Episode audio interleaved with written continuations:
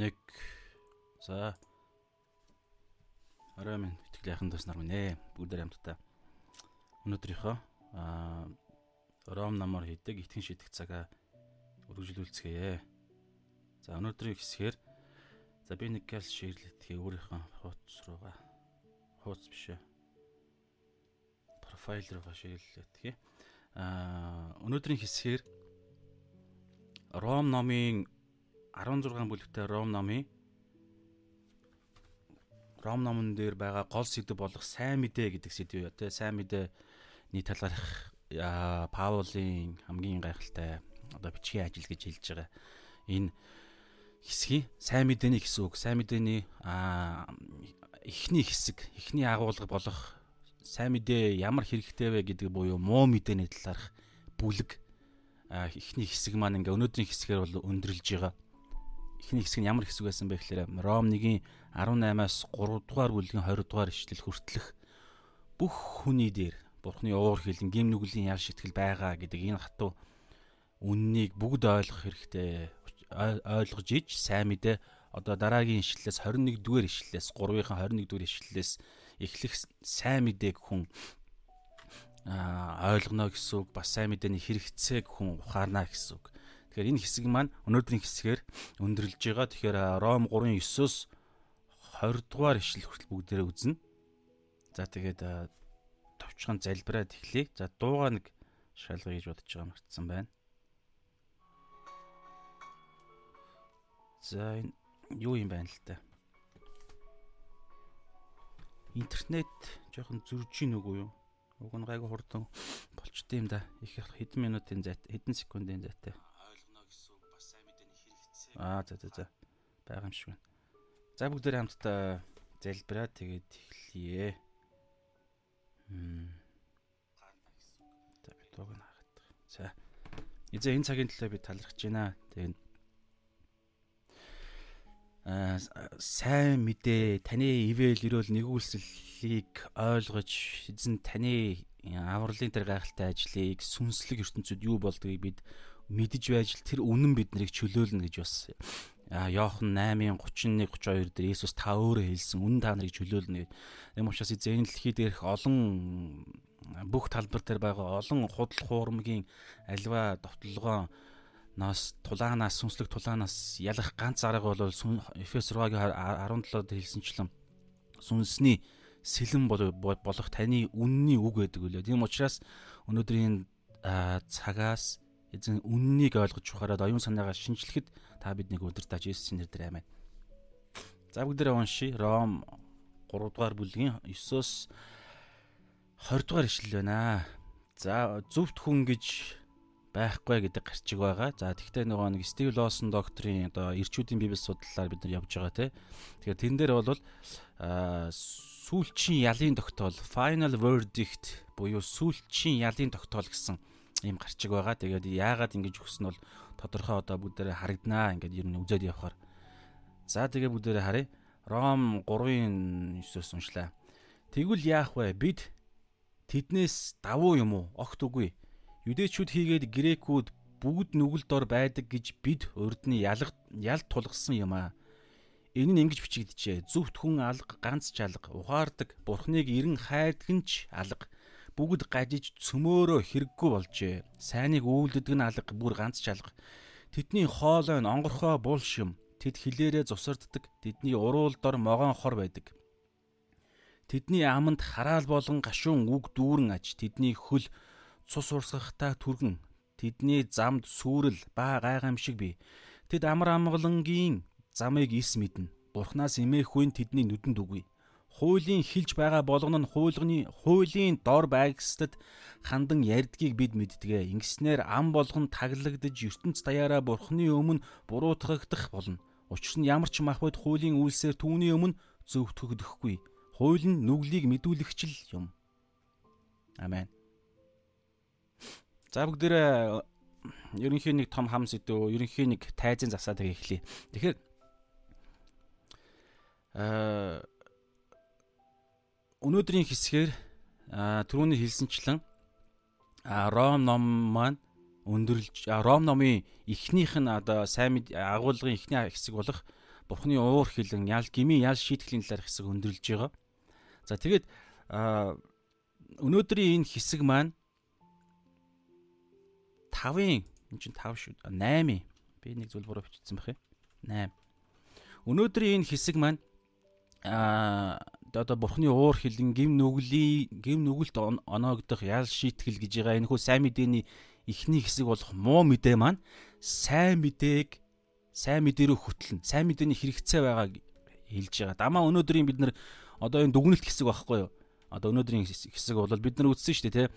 А Ром 1:18-аас за 2 дугаар бүлэг эхэлтэл гэж ер нь хэлэхэд болно. 1-р 1:18-аас 1-р бүлэг дуустал бол харь үндэстнүүдийн дээр байгаа бурхны уур хилэн гим нүглийн яа шийтгэллийн талаар яг байгаа бодит байдлыг нь танилцуулсан. Ялт тулгасан гэсэн үг. Паулаар дамжуулан бурхан.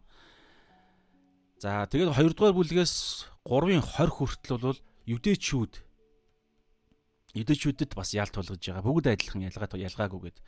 Тэгэхээр энэ зүйлийг одоо энэ 9-оос эхлээд а Ром 8-ын А би түрүүн юдэчүүд гэдэг дээр юу юм бэ шүү. 2 дугаар бүлгийн за 2-ын 1-ээс гэдэг юм уу эсвэл 2-ын 17-оос 3-ын 8 хүртэл юм байна. Тэгээд 9-оос 3-9-оос 20 дугаар хэсэг ишлэл хүртэл бол одоо дүгнэлтийг дүгнэлт хэсгийг одоо баавал танилцуулах чинь ерөнхийд нь ялгаа авахгүй бүгдийг нь дүгнээд базаад бүх хүн төрлөختөн дээр гим нүгэл байгаа гэдэг дээр. За тэгээд Стив Лосон докторын одоо эрчүүдийн библи судлалын цаг дээр энэ цагийн энэ одоо бичлэгээр видеон дээр өгсөн гарчгийн дагуу бол сүүлчийн ялын тогтоол. Энэ ялын тогтоол гэдэг энэ verdict гэдэг англи үг ер нь ялын тогтоол гэж байгаа энэ үг яагаад сонгож байгаа гэхээр угаасаа өнөөдрийн хэсгийг харах юм бол Паулын хэлсэн одоо үгийн сонголт а ер нь бол ерөнхийдөө бол эхний хэсэг тэр чигээр нөгөө нэг хүн төрлөختөн дээр байгаа бурхны уур хилэн гэдэг энэ хэсэг бол яг шүүх хуралд болж байгаа үйл явдлын тийм хэлбэрт танилцуулагдж байгаа хэсэг байхгүй. Угаасаа энэ яг ял тогт ял ялыг нь уншиж байгаа. Бүх хүн төрлөختөн дээр. Тэгэхээр энэ ялыг хүн болгон ялтай, хүн болгон гим нүгэлтэй гэдгээ ойлгож ижил сайн мэдээ хэрэгтэй гэдэг хүн ухаарна. Энийг ойлгохгүй сайн мэдээ хичнээн яриад ямар ч нэмэргүй болж байгаа байхгүй. Тэр утгаараа нөгөө сайн мэдээ тараахад ч гэсэн хүмүүс яагаад итгэдэггүй вэ гэдэг нь бол тэр байгаад байгаа юм тий. Сайн гимтэй гэдгийг хүлээн зөвшөөрдөг. Аюулд байгаагаа харж чадахгүй байна гэсэн үг. Бардам зан олдон зүйлээс болоод Тэр утгаараа энэ ялын тогтоол гэдэг үг одоо бүгдээрээ харъя. Маш тодорхой хэд хэд юмар харагдаж байгаа. За тэгэхээр түрүүн хэлсэнчлэн сайн мэдээ гэдэг зүйл бол муу мэдээг хүн ойлгож хүлээн зөвшөөрөхгүй бол сайн мэдээ ямар ч хэрэггүй гэдэг. За тэгэхээр энэ шүүх хурал дээр болж байгаа үйл явдал яг энэ өнгө аясаар угаас яг бодит байдал дээр ч гэсэн сүнслэг одоо ертөнцид болж байгаа бодит байдал дээр ч гэсэн Есүсийн хоёр ирэлт яригддаг. Эхний ирэлт нь ч гэсэн Йохан 9-ийн 30 9-40 дээр Есүс 39 дээр нь бол Есүс би энэ ертөнцид ирсэн нь шүүлтийг бий болгохын тулд ирсэн гэж ярьж байгаа. Тэр нь одоо ч гэсэн шүүлтэн дунд хүн болгон шүүлтэн дунд явж байгаа гэсэн. Сайн мэдээ тань угаасаа Йохан 3-ын а сүүлийн хэсэг дээр бол юу гэж байгаа вэ гэхээр 29 за 19 19 20 мөр хавцаа юу гэж байгаа вэ гэхээр яа сайн мэдээнд итгэхгүй бол угаасаа аль хэдийн ял дундаа үргэлжлүүлэн явна гэсэн санаа байгаа байхгүй. Тэгэхээр угаасаа энэ дэлхий дээр хүүг төрөхөөс л хүн болгон энэ дэлхий дээр шүүлтэн дунд яваа. Ялын тогтоол ялын тогтоолоо уншчихсан үхлийн тойрог руу ингээд үхэл рүүгээ явж байгаа байхгүй хүн болгон.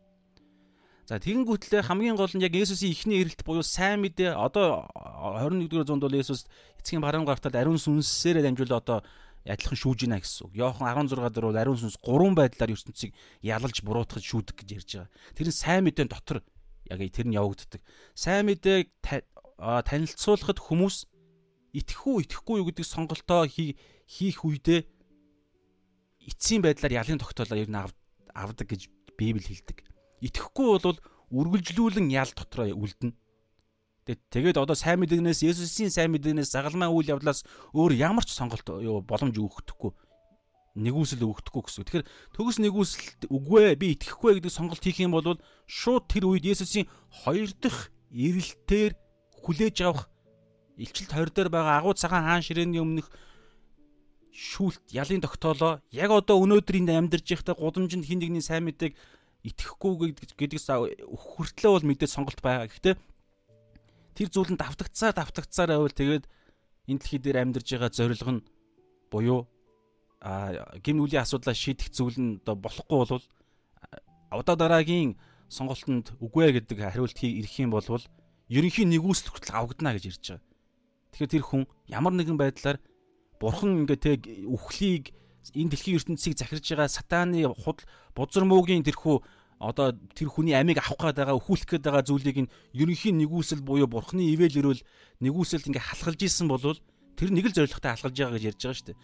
Яг гол гим нүглийн асуудлыг шийдэх тэр мэдээнд урилгыг авах хүртэл нь бурхан ингэж халахалж байгаа. Одоо үхлийг гар хүрхээс нь бурхан хамгаалж исэн.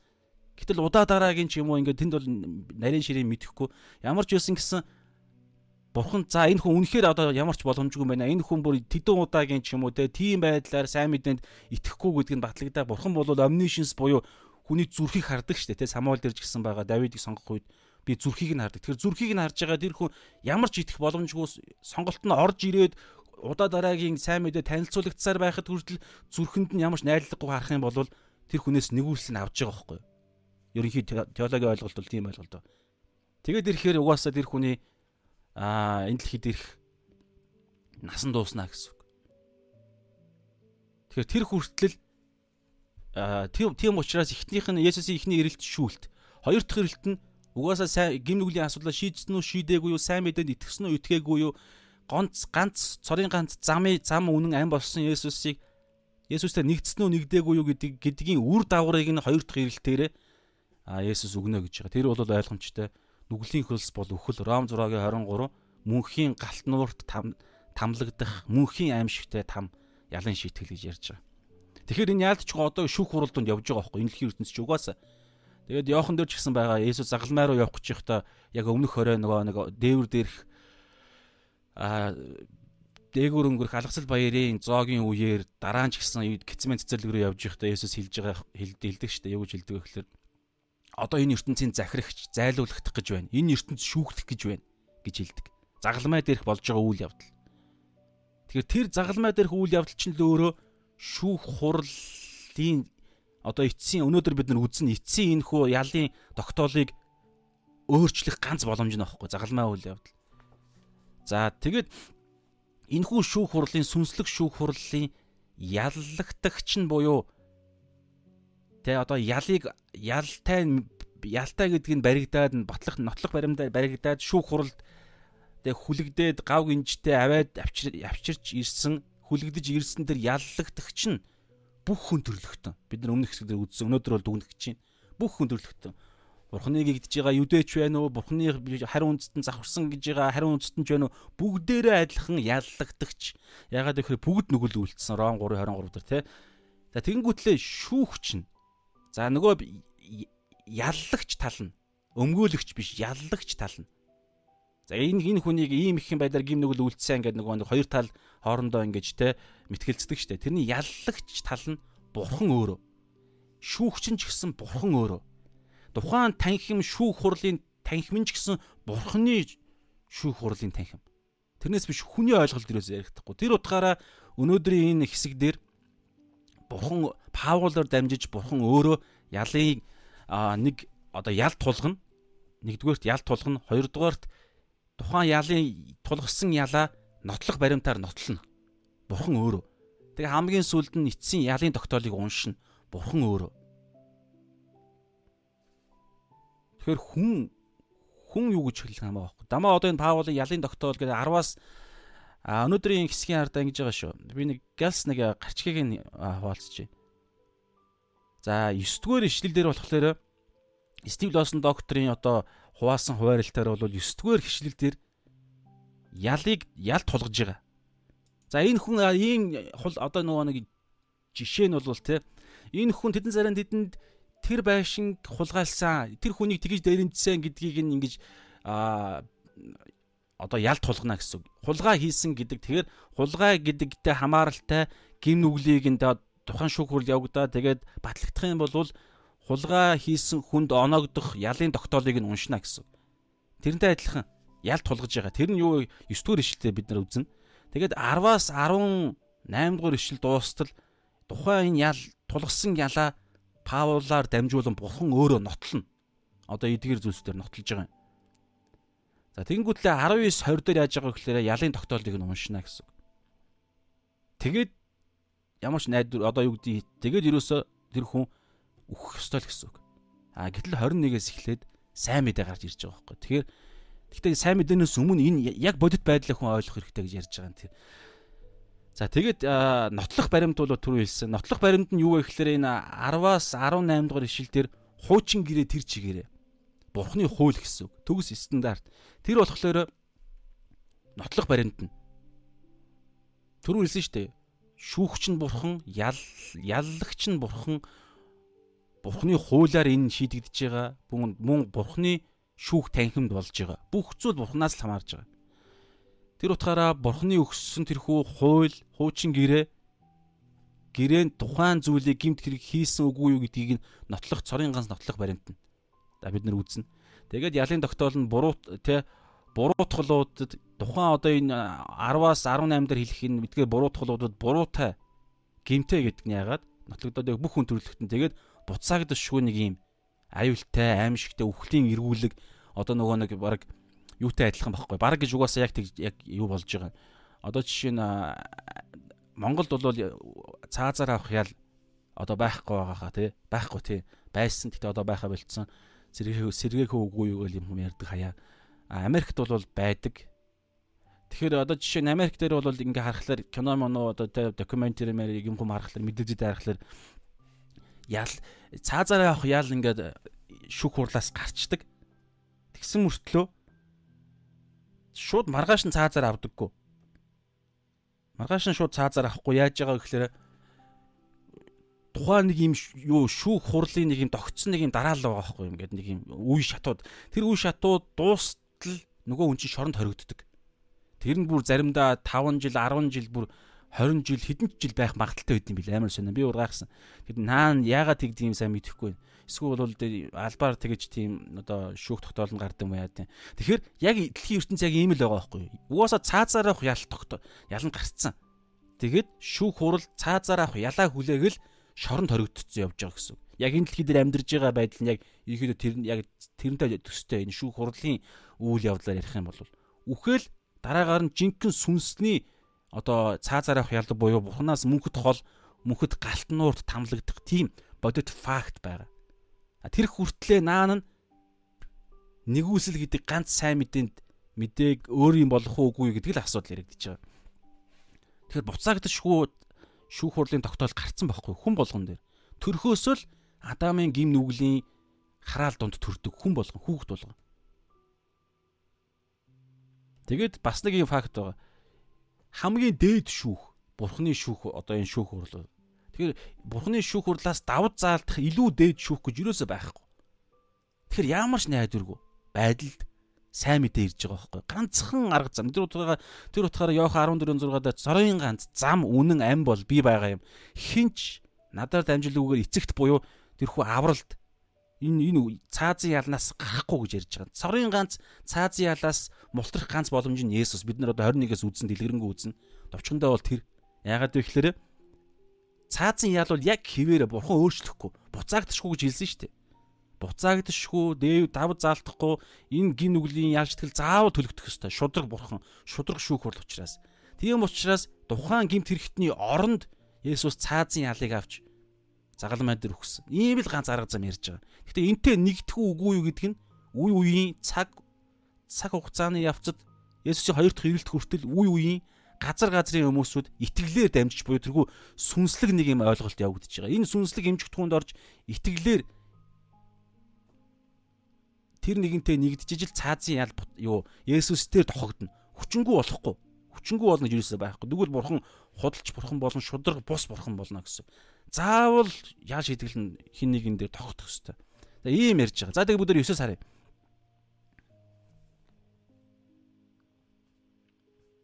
За ингэж байгаа.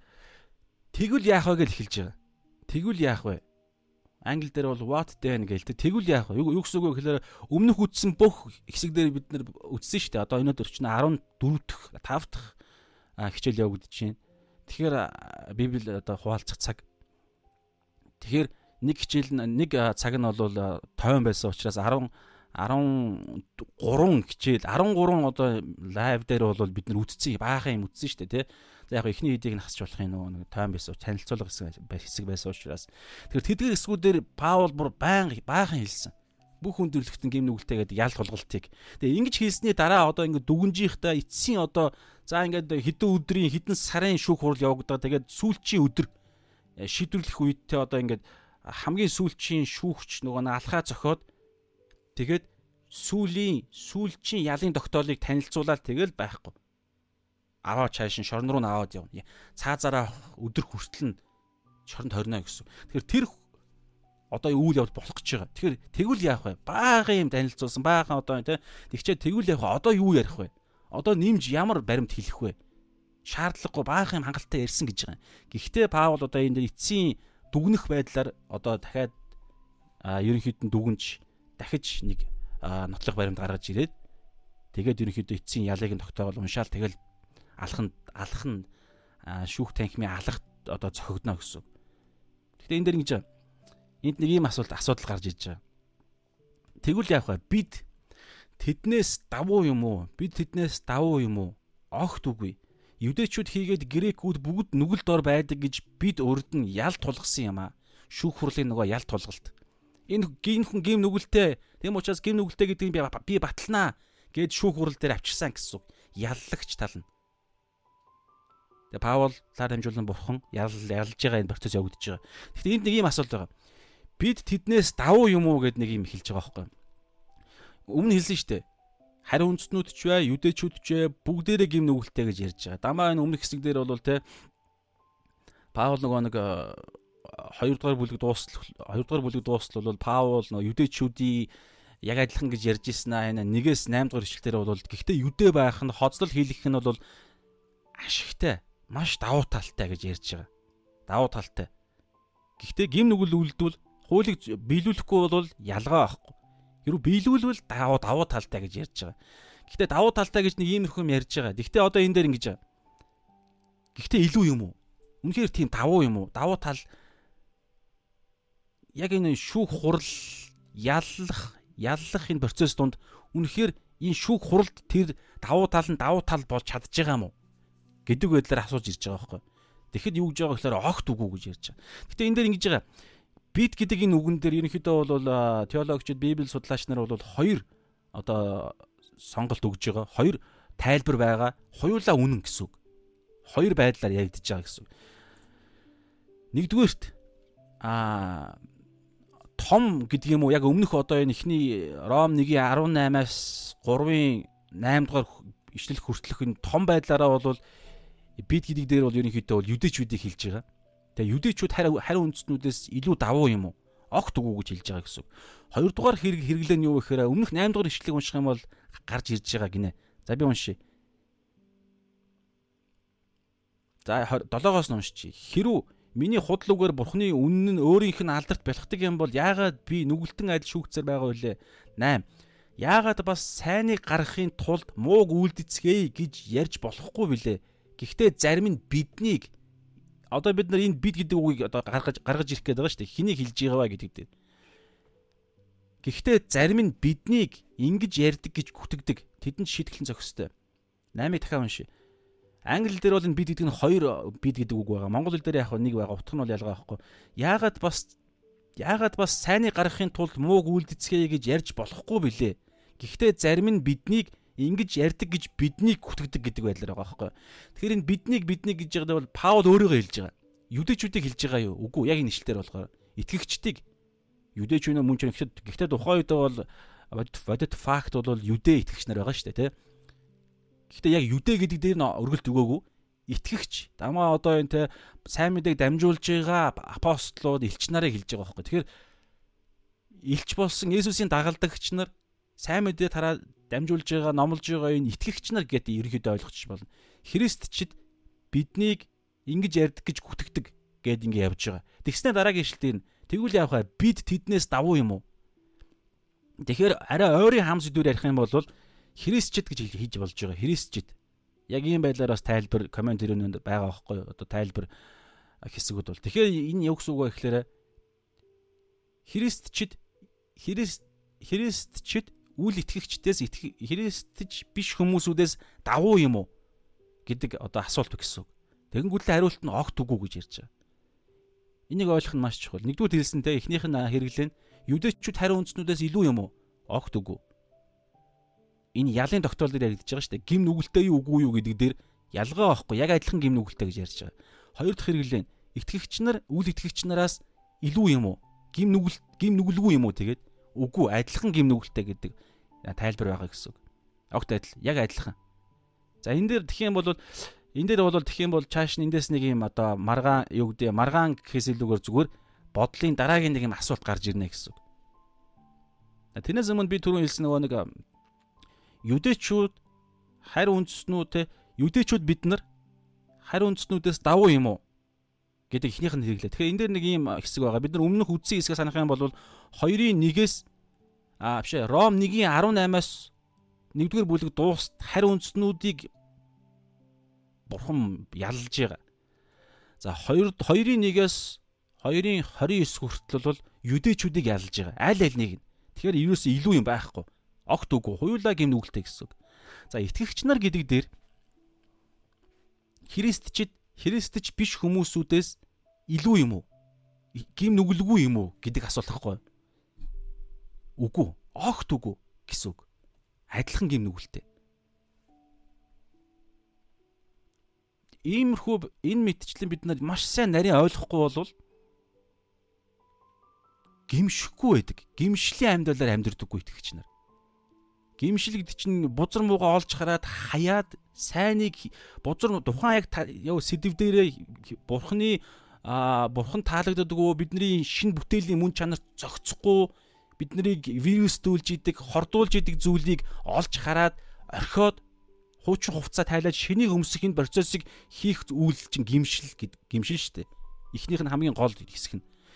Тэгэхээр бид яг адилхан үйл итгэгч нартай ч гэсэн яг адилхан гэдгийг ойлгохгүй бол гим нүглийн одоо энэ дээр хараа нүглийн дор гэж хэлж байгаа. Чааш нь уншээ бүгдээр огт үгүй. 9. Юдэчүүд хийгээд грекүүд бүгд нүгэл дор байдаг гэж бид үрд нь ял тулгсан юм аа. Паул өөрийгөө ч гэсэн ял тулгаж байгаа гэсэн хүн болгон нүглийн дор байдаг. За тэгэхээр нүглийн дор гэдгээ хүн бид нар ойлгох хэрэгтэй гэсэн. Нүглийн дор гэдэг нь юу гэсэн үг юм? Итгэгч нар хүртэл одоо итгэгч нар хүртэл нүглийн дор байгаа гэж хэлэх гээд нь шүү дээ. Тэгэхээр энэ юу гэсэн үг вэ? гэдгээ маш сайн нарийн ингээд ялгааг нь харж иж хүн яг адилхан одоо бид нар те муу мэдээг харж иж сайн мэдээнд итгэх сайн мэдээний дор сайн мэдээнд итгэх сонголтоо хийх гээд байгаатай адилхан итгэгч нар ч гэсэн аврагдсан итгэгч нар ч гэсэн нүглийн дор байгаа гэдгээ маш нарийн нар зөв ялгаж сал ямар ойлголтод буруу ойлголт юм ямар нь яг зөв бодиттой фактын гэдгийг ойлгож иж яг одоо үргэлжлүүлэн Христийн цус гимшил нэгүсэл өршөөл хэрэгтэй гэдгээ харна гэсэн. Тэгэхгүй зүгээр номлогч юу гэдэг те за гимшээрээ итгэгч нараа ч гэдэг юм уу эсвэл бол те Есүсийн цус мус гээл те өршөөл нэгүс хэрэгтэй гэх юм бол ерөнхийдөө ойлгож байгаа боловч яг нарийн яг бодиттой ингээ гар дээрээ бариад харахад хэцүү байгаа байхгүй. Ягаад тэгэхээр аврагдцсан, өршөөгдсөн бурхны хайр инрэл тэг мөнхийн Тэнгүүтлээ бурхан нэг гим нүглээ мартсан бол дахин сандаггүй те бурхны ааврал бурхны Йох 10 дээр бол бурхны гараас те хончны болон те одоо Есүс эцгийн болон хүүгийн аль альных нь гараас хонин сүргийг хинч булаахгүй гэдэг зөндөө ойлголтуудыг ингээд байгаа.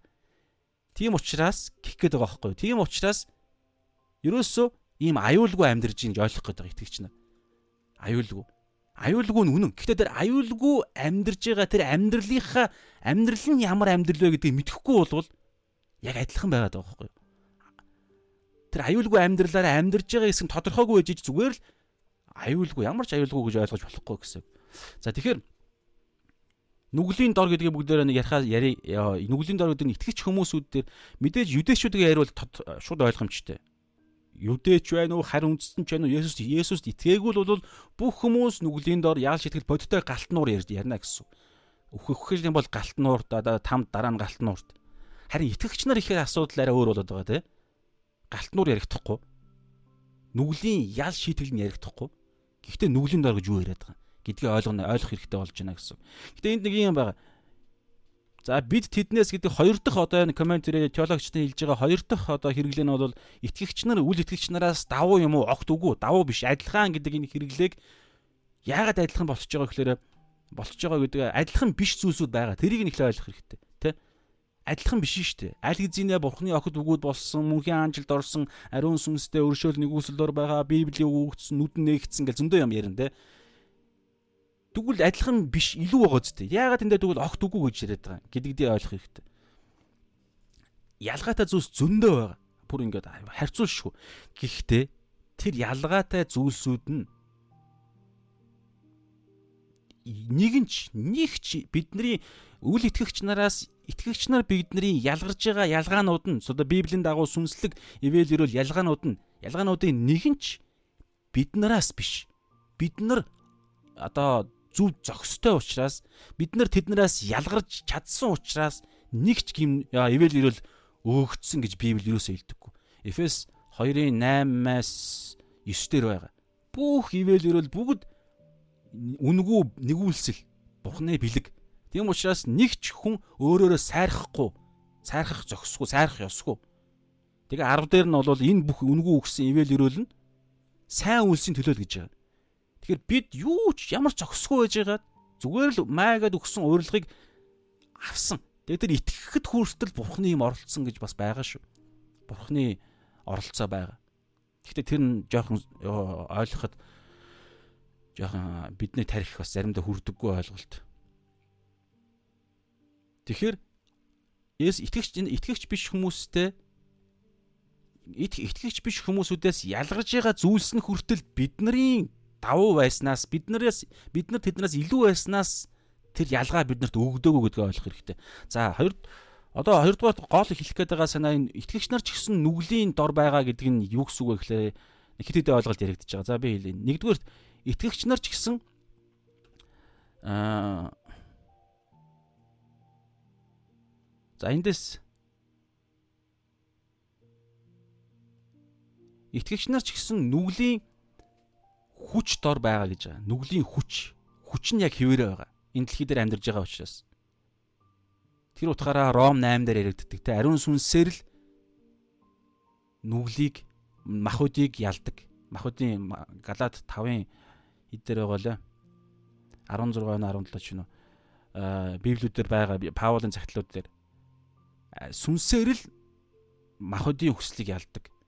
Нэг нэгний эсэргүүцдэг учраас. Тэгэхээр тийм учраас сүнсээр яв гэж ярьж байгаа Галаат дээр бол. Тэгэхээр хүч нь яг хിവэрэ байгаа. Тэр уцгаараа тэр хүч нь хിവэрэ учраас л ариун сүнсний хүчин дор байнга явах юм яригддаг. Тэр хүч нь хിവэрэ байгаа. Нүглийн хүч хിവэрэ байгаа байхгүй юу? бид махвдын дотор байгаа учраас дахин дахин төрсөн яг Есүсийн 3 хоногийн дараа дахин өхлөөс дахин өхлөөс амилсан дахин амьдрсан гэж хэлж болно. Үхлээс бол нэг удаа амьдсан. Гэхдээ амьдрахтаа бол хоёр дахь амьдарж байгаа шүү дээ. Энэ дэлхий дээр амьдсан. Нэг 40 хоног ойролцоогоор. Тэгэхээр тэр бие, алдрын бие нэг дээшээ өргөгдсөн, шууд хан маань нэвтэлсэн тэр бие бид нар аваагүй.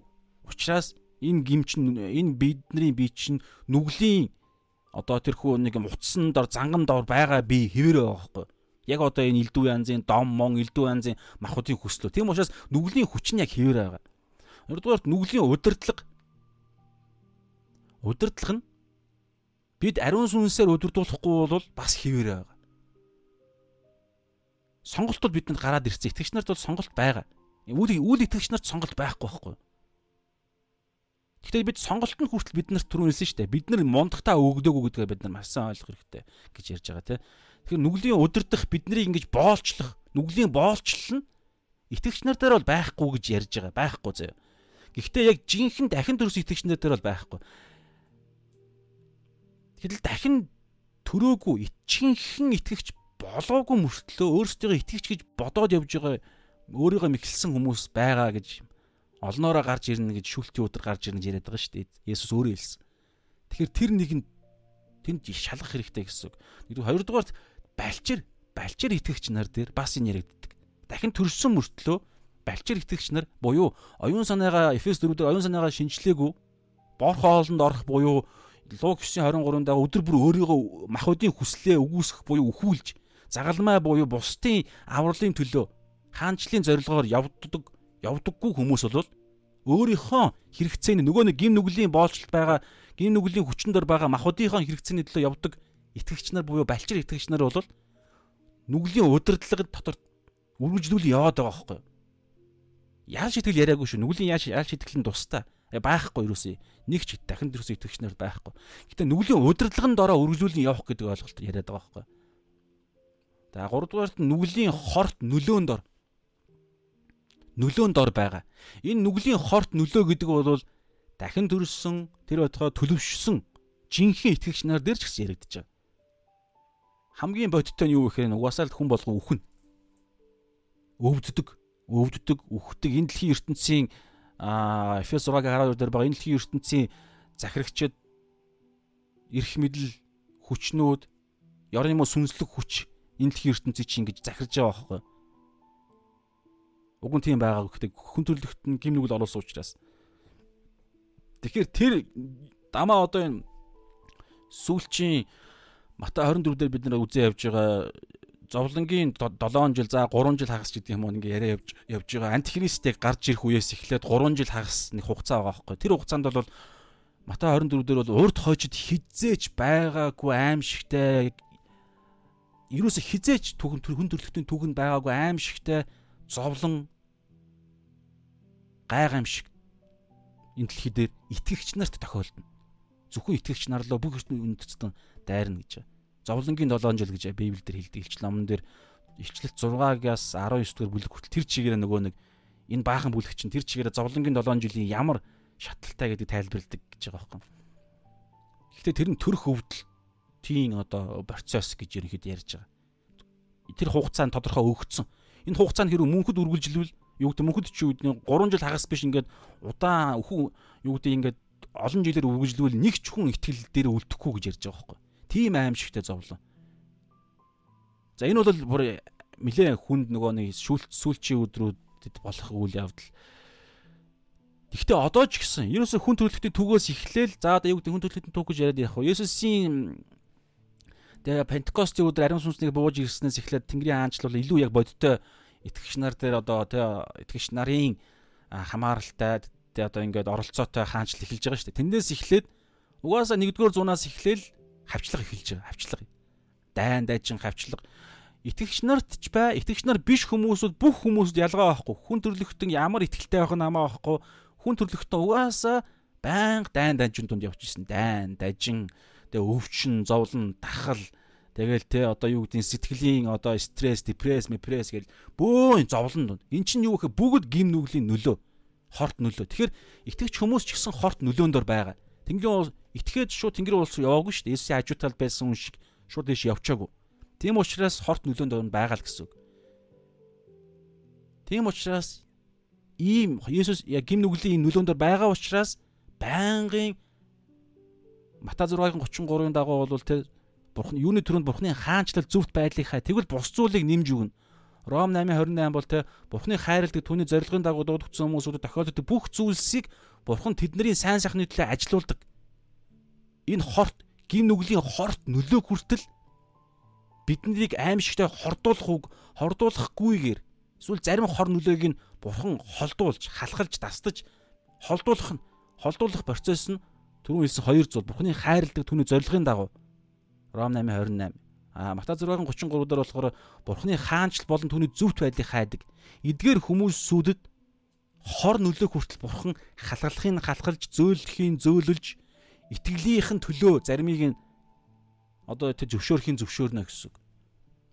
Ром 5 дээр бол тэ зовлонтойтой хүртэл итгэгч нар баярлдаг гэж байгаа. Зовлон зүдгүн төвчээрийг төвчээр нь туршлагатай байлаг, туршлагатай байдал найдварыг төрүүлдэг.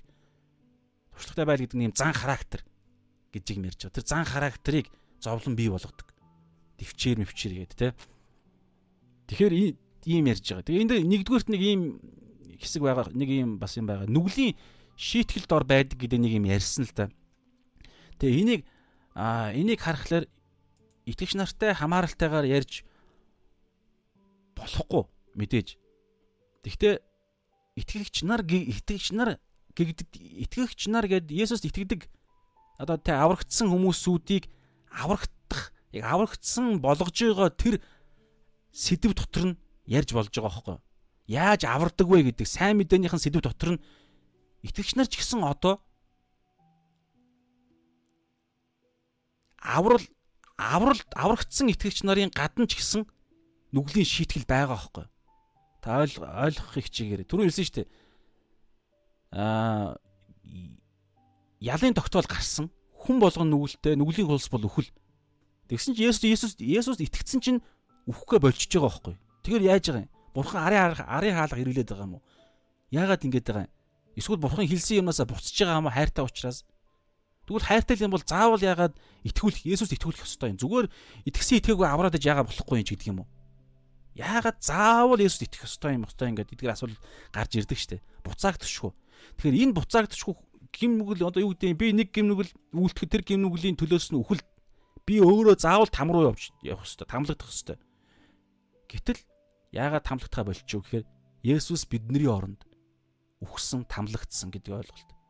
Тэгээ энэ нэг юм процесс чинь бидний Есүсийн дотор орцсон хүмүүст хамаагүй болчихж байгаа мөртлөө Есүст нь хамааралтай хിവэрэл байгаа даа байхгүй ойлгож байна та.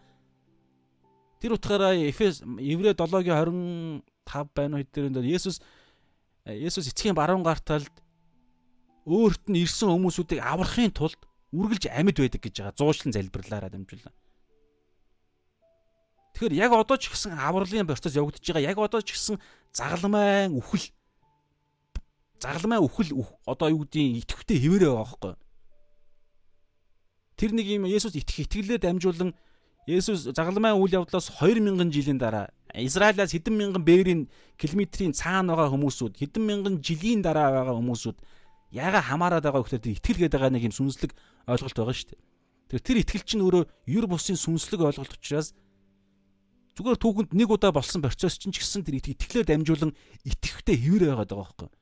Яг л Есүс гимгүү үхэх ёсгоо мөртлөө нэг хүний өмнөөс үхсэн чинь үхсэн энэ нэг юм одоо энэ загалмай үйл явдал яг сайн мэдээний гол энэ золиослох процесс тэнгэрлэг солилцоо явагдаж байгаа. Энэ солилцоо чинь яг л итгэвтэй хэвээрэл байгаа ажиллагаатай. Тэгэхээр итгэх болгонд тэр итгэвтэй ажиллагаа руу хүмүүс итгэлээрээ холбогдоод байгаа байхгүй. Гэхдээ энэ нь энэ итгэлгээд байгаа нь хамгийн гол нь ойлгох хэрэгтэй юм нь юу гэхээр нэг удаа болдог процесс биш байгаа байхгүй.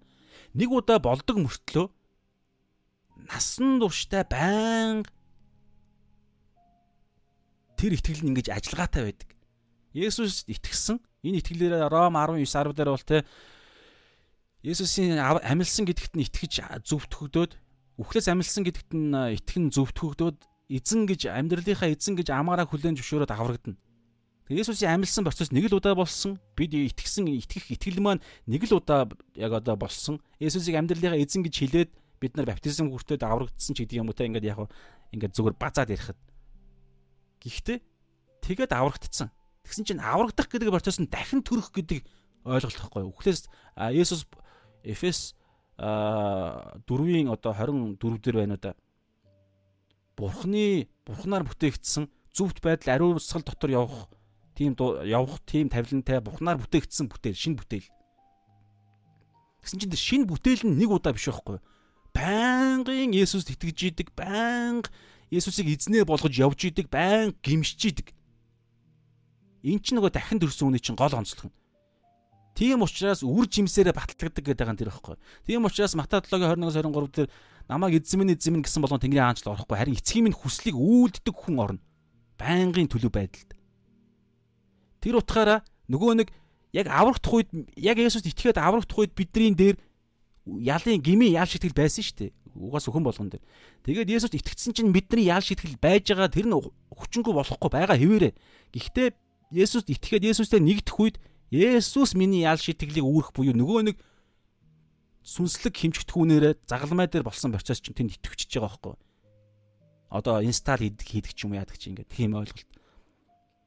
За тэгээд тэгсэн мөртлөө энэ дэлхий дээр амьдарч байгаа. Тэгсэн мөртлөө гим нүгэл үлдэж байгаа. Тэгсэн чинь яг энэ энэ нэг юм бидний яаш дээр байгаа гим нүглийн яаш тэлний хിവэрэ биднийг Есүс халахлж байгаа. Есүсийн бидний оронд гим нүглийн яаш тэлийг авсан. Тэгээ энэ дэлхий дээр байгаа л учраас гим нүглийн төрх төрүүлсэн шүү дээ. Нөлөөнд дор байгаа учраас үргэлжлүүлэг энэ зүйл чинь байнга явж байгаа байхгүй.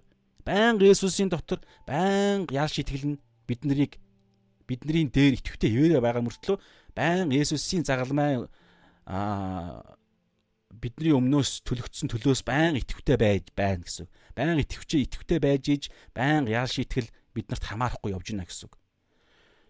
Тэгээ энэ бидний хийдэг зүйл биш биш тий тэ. Дахин төрсөн л бол хийхгүй. Гэхдээ Гэхдээ одоо бид нартай хамааралтай нэг юм байгаад байгаа. Тэр нь бол нөгөө нэг байнгын яг тэ одоо гимшиг гэж яаж болж байгаа байнгын үгээр нь үгээр нь явах. Гэхдээ энэ нь хүртэл дахин төрсөн л бол дахин төрсөн хүн дотор нь энэ хүсэл нь орж ирдэг. Энэ чадвар нь энэ өлсгөлэн байдал нь. Гэхдээ бидний оролцоо бол байгаа нэг ариусгал дотор энэ оролцоо бол байгаа.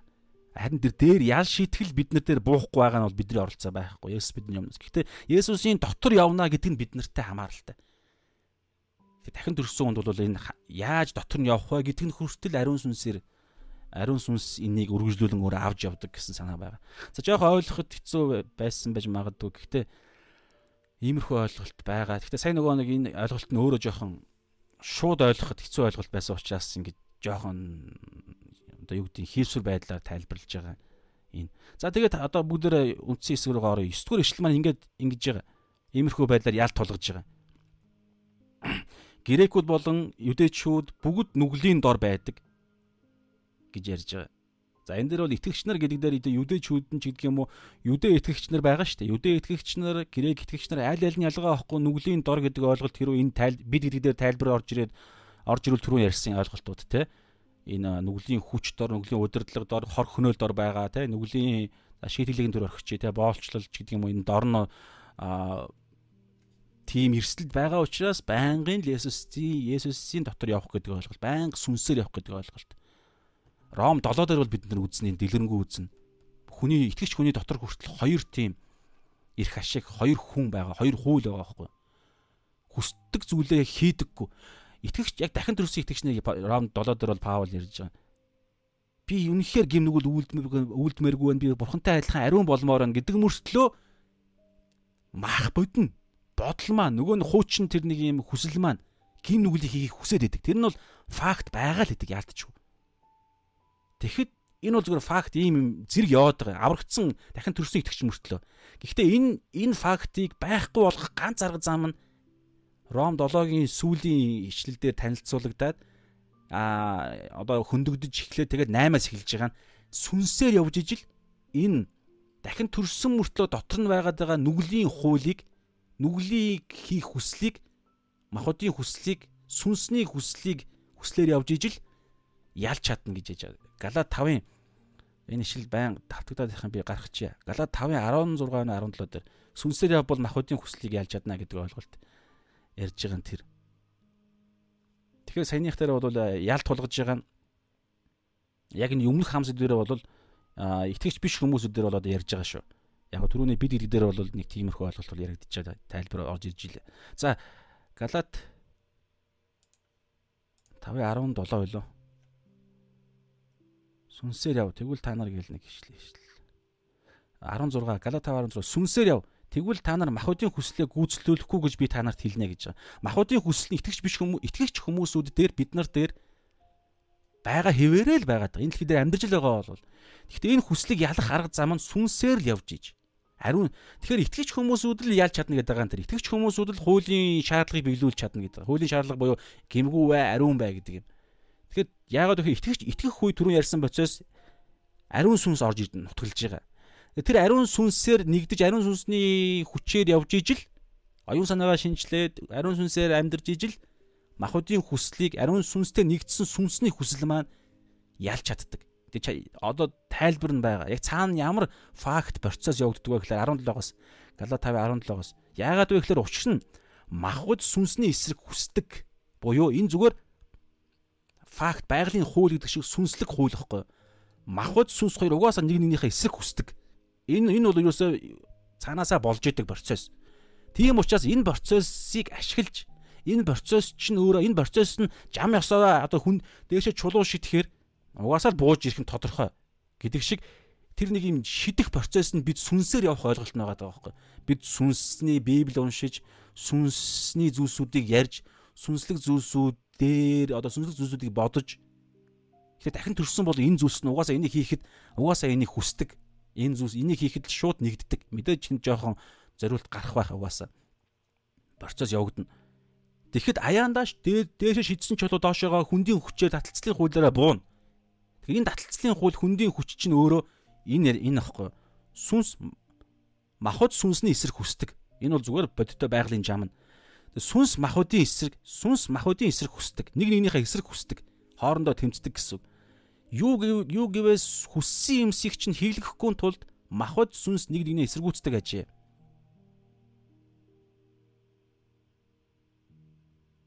Тэгэхээр энийг ярьж байгаа. Тэгэхээр махуудыг ялах ганц арга чинь сүнс байгаа даа байхгүй юу? Бид өөрсдөө махууд махуудыг ялгаж юусоо байхгүй. Махууд мах бод дээр тулгуурлаж махууд мах бодийн амьдрал дээр тулгуурласан оюун санаагаараа бид хүртэл бид ялахгүй. Бид өөрсдөө юусоо чадахгүй. Ганцхан ариун сүнстэй нэгдсэн сүнс маань л ялж чадж байгаа. Ариун сүнстэй нэгдсэн сүнс маань ялж чадна. Ариун сүнстэй нэгдсэн сүнс гэдэг чинь миний ойлгож байгаагаар хоёр ойлголт байгаа байхгүй. Нэгдүгээр дахин төрсөн сүнс гэхдээ балчир байгаа. Гэтэл сүнслэг сүн хоол молоо идэж бойж бойж байгаа. Сүн хоол ч өөрөө бурхны үг.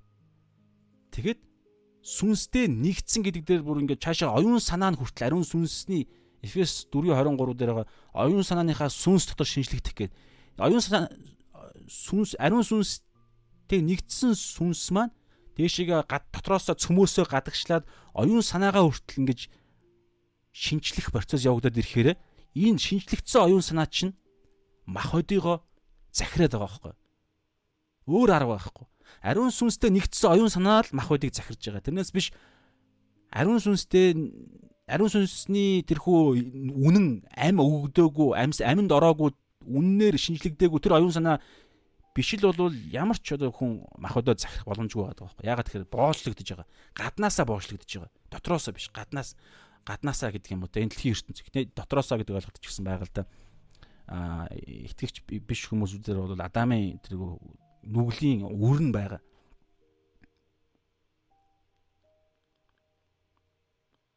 Итгэгч нар дээр бол гаднаас нь дайрж байгаа. Аа итгэгч нар дээр бол дотор нь ариун сүнсний хүч байгаа. Тэгэхээр гаднаас нь дайрж байгаа амиг дотроос нь гадагшлах байдлаар махуудыг ялаад байгаа байхгүй. Ингээ эсэргүүц хоёр таталцлын түлхэлцлийн хуулийг Тэгэхээр сүнс гэдэг ганц л арга юм яриадж байгаа. За Тэгэхээр ингэж байгаа өөрийн хүчээр ямар ч боломжгүй яг л дээрээс овоолсон шороон дээр ингээд дарагдцсан байгаа хүн. Ром 3-ынхаа 19 дээр бол ингэж байгаа хуулийн хилж байгаа болгон хуулийн дор байх хэстэд хандан ярьдгийг бид мэднэ. Ингэснээр ам болгон таглагдаж ертөнц даяараа Бурхны юм нь буруутгах болно. 23 бүгд нүгэл үйлснээр Бурхны алдарт хүрдэггүй гэж байгаа. Галаат 3-ын 22 дээр жишээ нэгж байна. Харин бичвэр бүх юм нүглийн дор хоригдсон гэдэг. Бүх юм бүх хүн нүглийн дор хоригдсон гэдэг. Бичвэр буюу хууль, шүүх хурал, шудрагаас одоо бүх ям ёс ингэж ярьж байгаа Энэ нь Есүс Христэд итгэх итгэлээр дамжуулан итгэгчдэд амлалтыг өгөхийн тулд юм аа гэж байгаа. Одоо ингээд цаашаага сайн мэдээр орох гол ингээд дууншиж эхэлж байгаа байхгүй юу? Энэ угаасаа хоригдсан байгаа байдал нь хоригдсан байгаа нүгд нүгэл үлдсэн. Харин бичвэр хоригдсан байгаа байдлыг нь илчилж байгаа юм. Ингэж илчлэх буюу ингэж илчилсэн цагт л гим нүгэлтэй гэдэг хүн ойлгосон цагт л гимшиж байгаа. Тэгээ гимшил чинь Гимшил чинь сайн мэдээний хамгийн ихнийхэн шатна. Гимшлэр л зөвхөн аврал нүглийн уучлал ирнэ гэж би шинэ гэрээ хэлдэг. Тэгэхээр гимшилт хүргэх ганц процесс чинь нүгэлтэйг л ойлгуулах. Өөрөөр хэлбэл тухайн нэг хүн тэг одоо бүх эд хөрөнгөөч гэдэг юм уу те эсвэл цаг заваа нэг имчилгээнд нэг имлэх орон дээр хөвтөхэд тэр тэр эмчэд өөрийгөө бууж өгөх тэр мис заслын хутганд өөрийгөө тавьж өгөх Тэгээ одоо ингэж шууд ингэж өгөх улаах өгөх бууж өгөх процесс чинь наан нэг үнэн үнэнг мэдчихийж тэр одоо мис заслын ширээн дээр өөрийнхөө амнасаа эмч даатгах шүү дээ. Үнэнг мэдчихийж тэр үнэн энэ би хорт хавдартай. Миний дотор аимшигтай нэг юм байна. Одоо юу гэдэг юм бууны сум байна. Тэрийг мэдчихийж тэр өвдөлтөө мэдэрж иж эсвэл тэр өвдөлтөө мэдрэхгүй ч гэсэн хорт хавдар байгаа шүү дээ. Тэрийг шинжилгээнд орж иж бодтой батлагдчихийж өөрөөр хэлбэл хууль тэрийг илчлээд байгаа байхгүй юу? хүний гимтэй гэдгийг нь одоо бид нар араас үзэх гээд байна л та. Паул хэдийн Паулаа дамжуулан бурхан хідэн байдлаар одоо нотлно. Шинжилгээнд оруулж ямар аюултай байгааг нь одоо хэлнэ гэсэн үг байхгүй. Тэгсэн цагт л хүн тэрийг хараад ээ яана энд өвчин байж энд хадаас байна штэ би ийм хорт хавдар байгаа юм байна штэ Тэгээд урд нь энэ ховдроо хорт хавдраар өгсөн зөндөө олон тохиол байгаа. Манай тэр тэр тэр тэгж нас барсан. Тэгэхээр би одоо яг адилхан араас нь явна гэдгээ факта мэдэж гин, үнэн мэдэж гин, үнэн. Тэг тэгж тэр үнэн мэдүүлэх л зорилготой байгаа байхгүй хууль чинь. Тэгэхээр харин бичвэр бүх хэмийг нүглийн дор хоригдсон гэдэг бүх хэмийг нүглийн дор хордог биш. Бичвэр хорихгүй. Угаасаа гим нүгэл нь хорж байгаа. Харин бичвэр хоригдсон гэдгийг нь зүгээр хэлдэг. Хоригдсон гэж хэлдэг. Энэ нь Есүс Христэд итгэх итгэлээр дамжуулан итгэгчдэд амлалтыг өгөхийн тулд юм а. Есүс Христтэй л танилцуулахын тулд бичвэр буюу хууль нь байгаад байгаа. Тэрийг ярьж байгаа гэсэн санаа. За тэгэхээр ингээд ерөнхийдөө эхний ял тулгалт нь бол энэ бүгд нүглэн дээр байна л гэсэн. За тэгэхээр нэг ийм асуулт асуулт гарч ирж байгаа. Мэдээж өмнө ингээд энэ асуултанд зөндөө хариулсан боловч одоо дүгнэлт хэсэг учраас дахин давтах байдлаар энэ ял тулгсан ялыг хүн болгон нүглийн дор байгаа нүглийн дор байгаа гэдэг энэ ялыг хин нэг эсэргүүцэж магадгүй. Тэгвэл Паул сүүлчийн байдлаар дараах а одоо энэ цуврал за би төс өртөө удаа явахгүй. Гэхдээ хамааралтайгаар нь явна. А энэ нэг хідэн одоо хуучин гэрээний иш таталтууд байгаа байхгүй юу? Хид хидэн иш таталтууд байгаа даа. Эдгээр иш таталтуудаар Паул нотлох, нотлоно гэсэн үг. За бүгд тийг харъя. За харахаас өмнө нэг ийм ойлголт байгаа. Нэгдүгээр хоёр ойлголт энэ яагаад Паул хуучин гэрээнээс иш татж а одоо энэ бүх хүн нүгэлтэй гэдгийг нь нотлох энэ нотлогоогоо хуучин гэрээнээс иш татж байгаа гэдэг нь хоёр юм ярьж байгаа. Нэгдүгээр энэ нотлж байгаа тэг одоо энэ яллагч талын шүүх хурал болж байгаа яллагч талын нотлох баримтаа гаргаж ирж байгаа энэ Паул ингэж юу яллагч болоод байгаа юм биш одоо хоёр өмгөөлөгч хоёр өмгөөлөгч хэлсэн шүү. Нэг нь яллагч талын өмгөөлөгч өмгөө яллагч нөгөөх нь өмгөөлөгч нэгэ тэ. Тэгэхээр Паул биш байгаа даа байхгүй. Бурхан өөрөө заавчлаарай. Би нэг ял.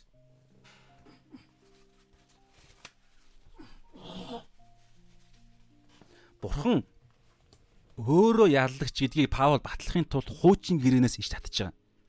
Зүгээр нэг юм одоо тэ Паул өөрөө нэг аа өөрөөрөө ингэж ярьж байгаа. Заримдаа бол өөрөөрөө яг биш Библиэд тулгуурлаж ярьдаг штэ. Тэгэхээр тэр нь хүртэл ариун сүнсний одоо амьсгалаар гэж ярьж байгаа. Гэхдээ энэ дэр Паул бүр албаар маргаангүй болохын тулд бүгдийнх нь мэддэг хуучин гэрээний хэд хэдэн иш таталтыг хэлж байгаа. Тэгэхээр Паул биш Бурхны нотлох баримт гэдгийг Паул энэ үгээр хэлж байна гэсэн үг. Яллагч нь, шүүгч нь, шүүх танхим нь Паулын та Паул биш. Паул зүгээр л одоо сурвалжлагч шүүх танхимын сурвалжлагч байгаа даа байхгүй. Зүгээр нэг юм одоо илтгэгч нь ч гэдэг юм уу. Туслах нь гэдэг юм уу те. Тэм учраас хэрүү энэ Паулын ярьж байгаа одоо энэ дэр Паул бид нар ч гэсэн ялгаа байхгүй. Энэ одоо ингээд хэдийн юм уншина. Энийг уншихад бид бүгдтэй нь хамааралтай. Байсан гэгдэж байгаа. Байсан. Гэтэ байсан гэж ярьчаад одоо бид нар хэдийн юм ингээ уншин. Тэнгүүтэл а энэ би байхаа болцсон гэж хэллээгээд байхаа болохгүй байхгүй.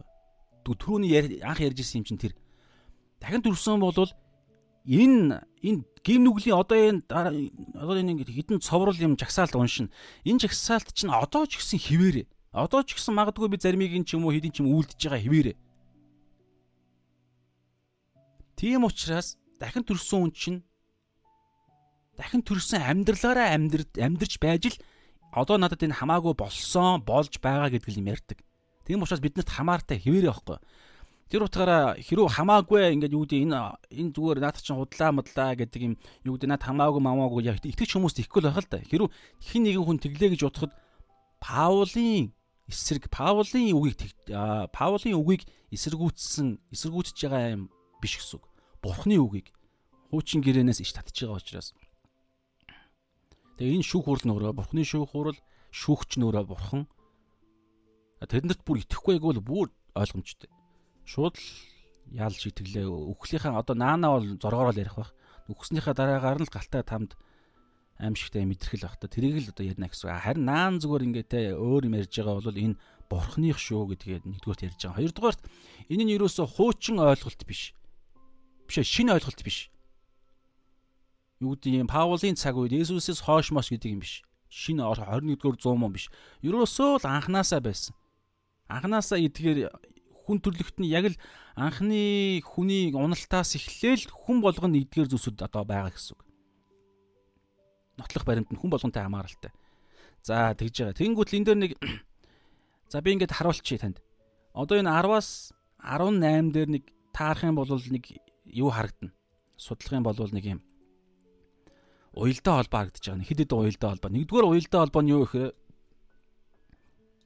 хамгийн том байдлаар 10-аас 12 дугаар ишлэл дээр хүн төрлөختний одоо дутагдлууд гэж ярьж байгаа. Хүн төрлөختний одоо төлөв байдал, төлөв байдалтай гимтэй төлөв байдал, сул дорой төлөв байдал буюу дутагдлуудыг нь эхэлж хэлж байгаа. Тэгээ 13-аас 18 дугаар ишлэл хүртэл юу вэ гэхээр завхарлууд гэж ярьж байгаа. Завхарлууд.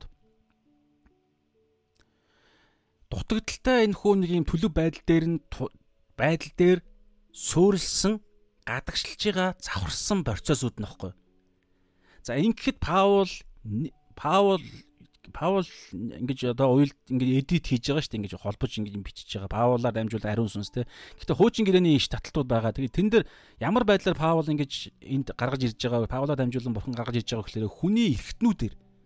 Одоо энэ дээр бол хүнийг шүүх гээд байгаа шүү дээ. Хүн гимтэй хүн гимтэй гэдэг байдлаар. Тэгэхээр яг бодиттой жишээч биш яг бодиттой байдлаар. Нэгдүгээр та анзаарах юм бол ингэж байгаа. 11-р ишлэлээр хүний оюун ухааны талаар ярьж байгаа оюун ухаан ямар гимтэй төлөв байдал байгааг нь 10 11-ийнхаа Б хэсэг дээр нь хүний зүрх сэтгэл ямар гимтэй төлөв байдал байгааг нь ингэж баталж байна гэсэн үг байхгүй. Одоо ингэж ингэсээр байгаа хамгийн сүлдээ гим нүгэлтэй ялтай гээл алах цохих гээд нь шүү дээ. Тэгээд цаазын өдрийг нь хүртэл шоронд хорих гээд байгаа байхгүй хүн төрлөخت яг ийм л аюул ял шийтгэл дотор байгаа гэсэн үг. Гэхдээ дараагийн ишлээс нь сайн мэдээ эхэлж байгаа те За тэрнээс наана ямар ч үс ийм бодит факта мэд хэрэгтэй гэсэн. Тэгэхээр хүний оюун ухаан нь гимтэй төлөв байдалд байна. Хүний зүрх сэтгэл нь гимтэй төлөв байдалд байна. Чаашлаад 12-оос 12 дугаар ишлэлээр хүний хүсэл нь хүртэл гимтэй зүрх оюун ухаанаас нь гарч байгаа хүсэл гадагшилж байна. Тэгэнгүүтлээ 13-аас 18 хүртэл яаж байгаа гэхээр хүний эргэтнүүдээр Паулод ярьж эхэлж байгаа. 13 10 3 14 дээр болохоор яаж байгаа гэхээр хүний хоолой хоолой нь ямар завхарсан хоолой одоо гадагшилж эхэлж байгаа. Гимтэй төлөв байдал мөн чанар төлөв мөн чанараасаа гадагшлаад завхарсан хоолой. Хүний ярьдаг хоолойг ярьж байгаа. Дараагаар нь хоолойноос жоохон гадагшлангуутлаа түрүү наан ярьсан шүү дээ зүрх сэтгэлийг ярьсан оюун оюун бодол зүрх. Тэгэхээр оюун бодол зүрх сэтгэлээсээ гадагшлаад хүний хоолой улаан хоолойч гэдэг юм энэ хоолой Тэгээ хоолооноос захаа жоохон гадагшлангуутлаа хүний хил завхарсан хил. Тэгээ гадагшлангуутлаа хүний уруул одоо энэ харагдаж байгаа уруул. Тэгээ ерөнхийд нь ам. Хүний амыг. За чаашлангуутлаа 15-аас эхлээд гимт үйлдэл буюу одоо энэ завхарсан хөлийг хөлтэй хамааралтайгаар яаж баталж хуучин гэрээгээр баталж эхэлж байгаа. Ярах юм бол ингэж байгаа дахиад нэг бас нэг уялдаа холбоо гимтэй төлөв байдал 10-аас 11 дугаар ишлэл 12 дугаар ишлэл дээр 13-аас 14 дээр гимтэй яриа үг яриа 15-аас эхлээд гимтэй үйлдэл байгаа. За энэ үйлдэл дээр нь бол түрүүн тодорхой хөл ярьж байгаа.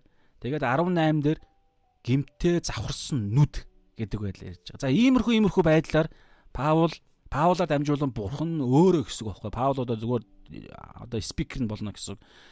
За бүгд эхнээс нь харъя.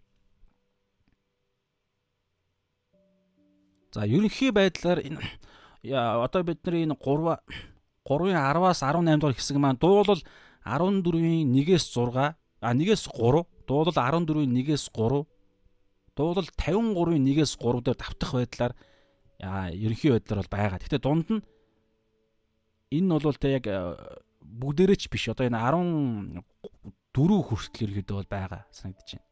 Биш ээ. 14 биш. 12 хүртэл саяны энэ ярьсан хэсэг. Тэгээ цаашаага бол өөрөөр хэсгүүдээс Паул иш татж байгаа. Энэ яагаад ингэж байгааг түрүү хэлсэн те. Тэр чигээр хуучин гэрээ тэл чигээр хаа сайгүй бурхан өөрөө ингэж хэлж ийсэн гэсэн үг. Хуулиндаа гэсэн үг.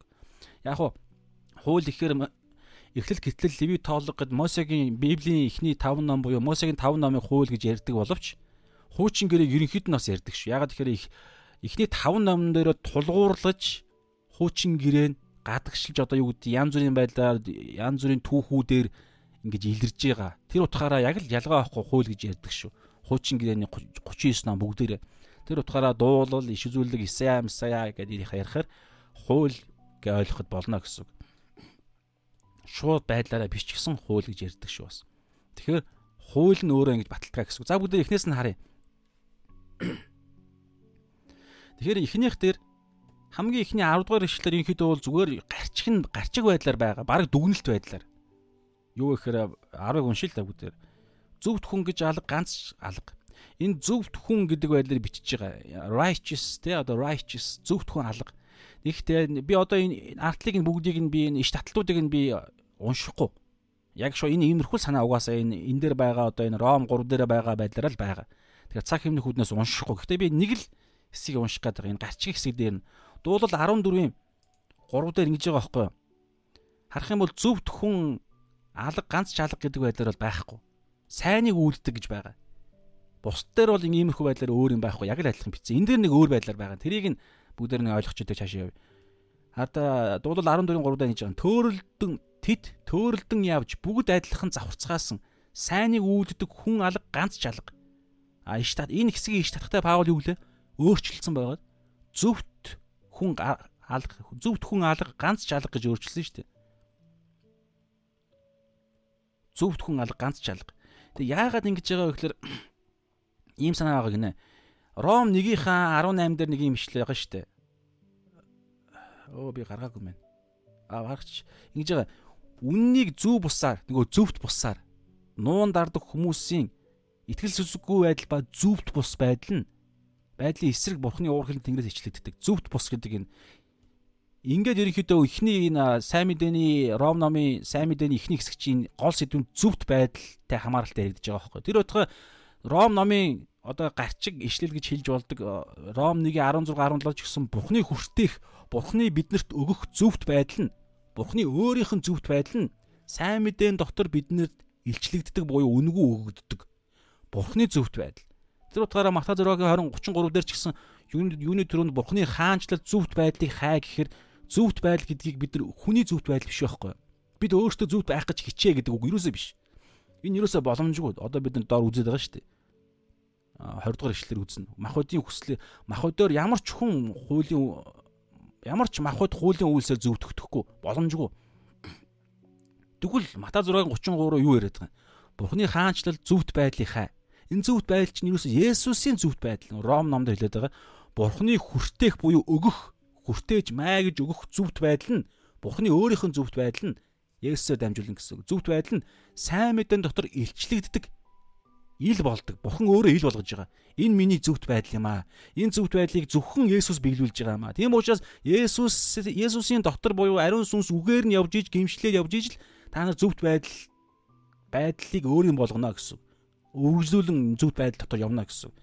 Тэрнээс биш өөрөө ингэж биелүүлэх гээл зовоол ингээл та яллагдаал ийм биш. Есүсээр Есүсийн зөвхт байдалтай л нэгдэх юм ярьдаг. Өөрөөр хэлбэл гимшлэр дамжуулна гэсэн үг. Тэрнээс биш одоо юу гэдэг а ямар нэгэн гим нүгэл хийхгүй байсан байж иж зүвт болно гэж юусоо ярьдаггүй байхгүй библ. Энэ юусоо боломжгүй гэдэг юм тэр. Зүгээр гимшлэр алдаа харгалаа гим нүгэл хийлээ. Гимшлэр Есүсийн нэгүслийн цагаан хувцсыг нь өмсдөг.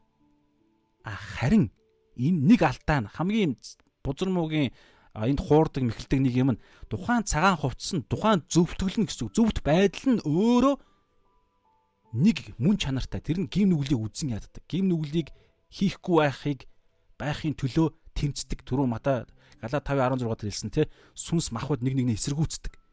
Нөгөө сүнс чинь ариун сүнс чинь.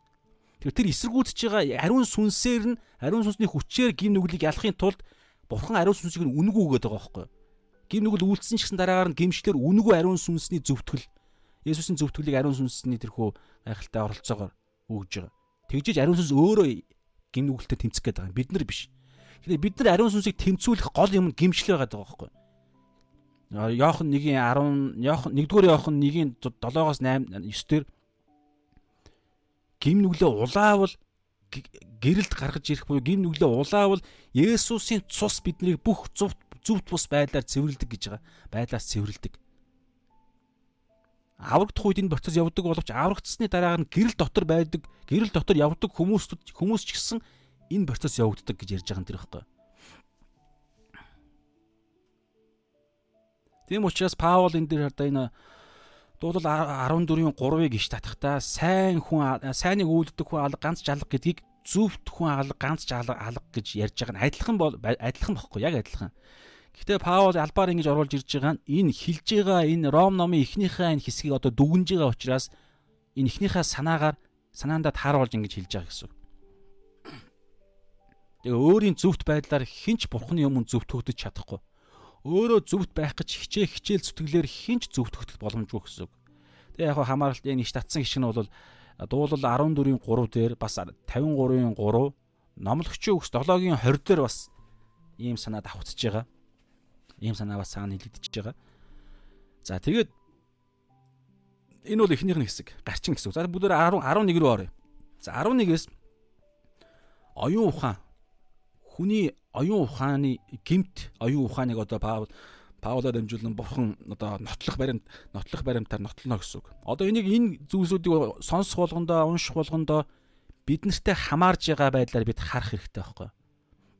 Тэгжиж итгэгч биш хүмүүс нь бол яг энэ эдгээр одоо энэ нотлогоонууд чинь таныг итгэгч биш хүн үзэж илаа гэж бодоход таныг ямар аимшигтай үхэл рүүгээ ял цаазын ял руугаа хоригдоод явж байгаа шоронд хоригдсон үнэтэй хүн гэдгийг чинь илчилж байгаа байхгүй Библи. Угаасаа гим нүгэлтэй. Та энийг одоо энэ зөвхөн ерөнхий бадж байгаа нь хуучин гэрээний 10 хууль байна. 613 хууль мөл. За яг хоо ёслон мослыг хасаад ингээд за 10 хуулийг ингээд эхнээс нь дуржуулахад та доор хаяж та бараг л 10-ыг нь бараг гэж угаасаа итгэж биш хүмүүс угаасаа 10-ыг нь шууд та хүлээн зөвшөөрөх байх. За ямар ч байсан 50-аас дээш хувийг нь итгэж биш хүмүүс яг ингээд сайн мэдээнд итгэх итгэх албагүй сайн мэдээгч танилцуулахгүй зүгээр л 10 хуулийг уншаал ингээд тэ хоорондоо жоохон асуулт тайлбарлаж өгөөл ингээд бүгд хүлээн зөвшөөрдөг байхгүй. Тэр хүлээн зөвшөөрж байна гэдэг чинь тухайн гим нүглийн яа шитгэлийг нь хүн хүлээн зөвшөөрж байгаатай адилхан. Яа шитгэл. Гимтэй ийм гимтэйгээ хүлээн зөвшөөрж байгаа бол яа шитгэл нь хүлээн зөвшөөр. Яа шитгэл нь аимшигтай байгаад. Тэгэхээр гимших зорилготой энэ төр зүйлсүүд танилцуулагдаж байгаа шүү.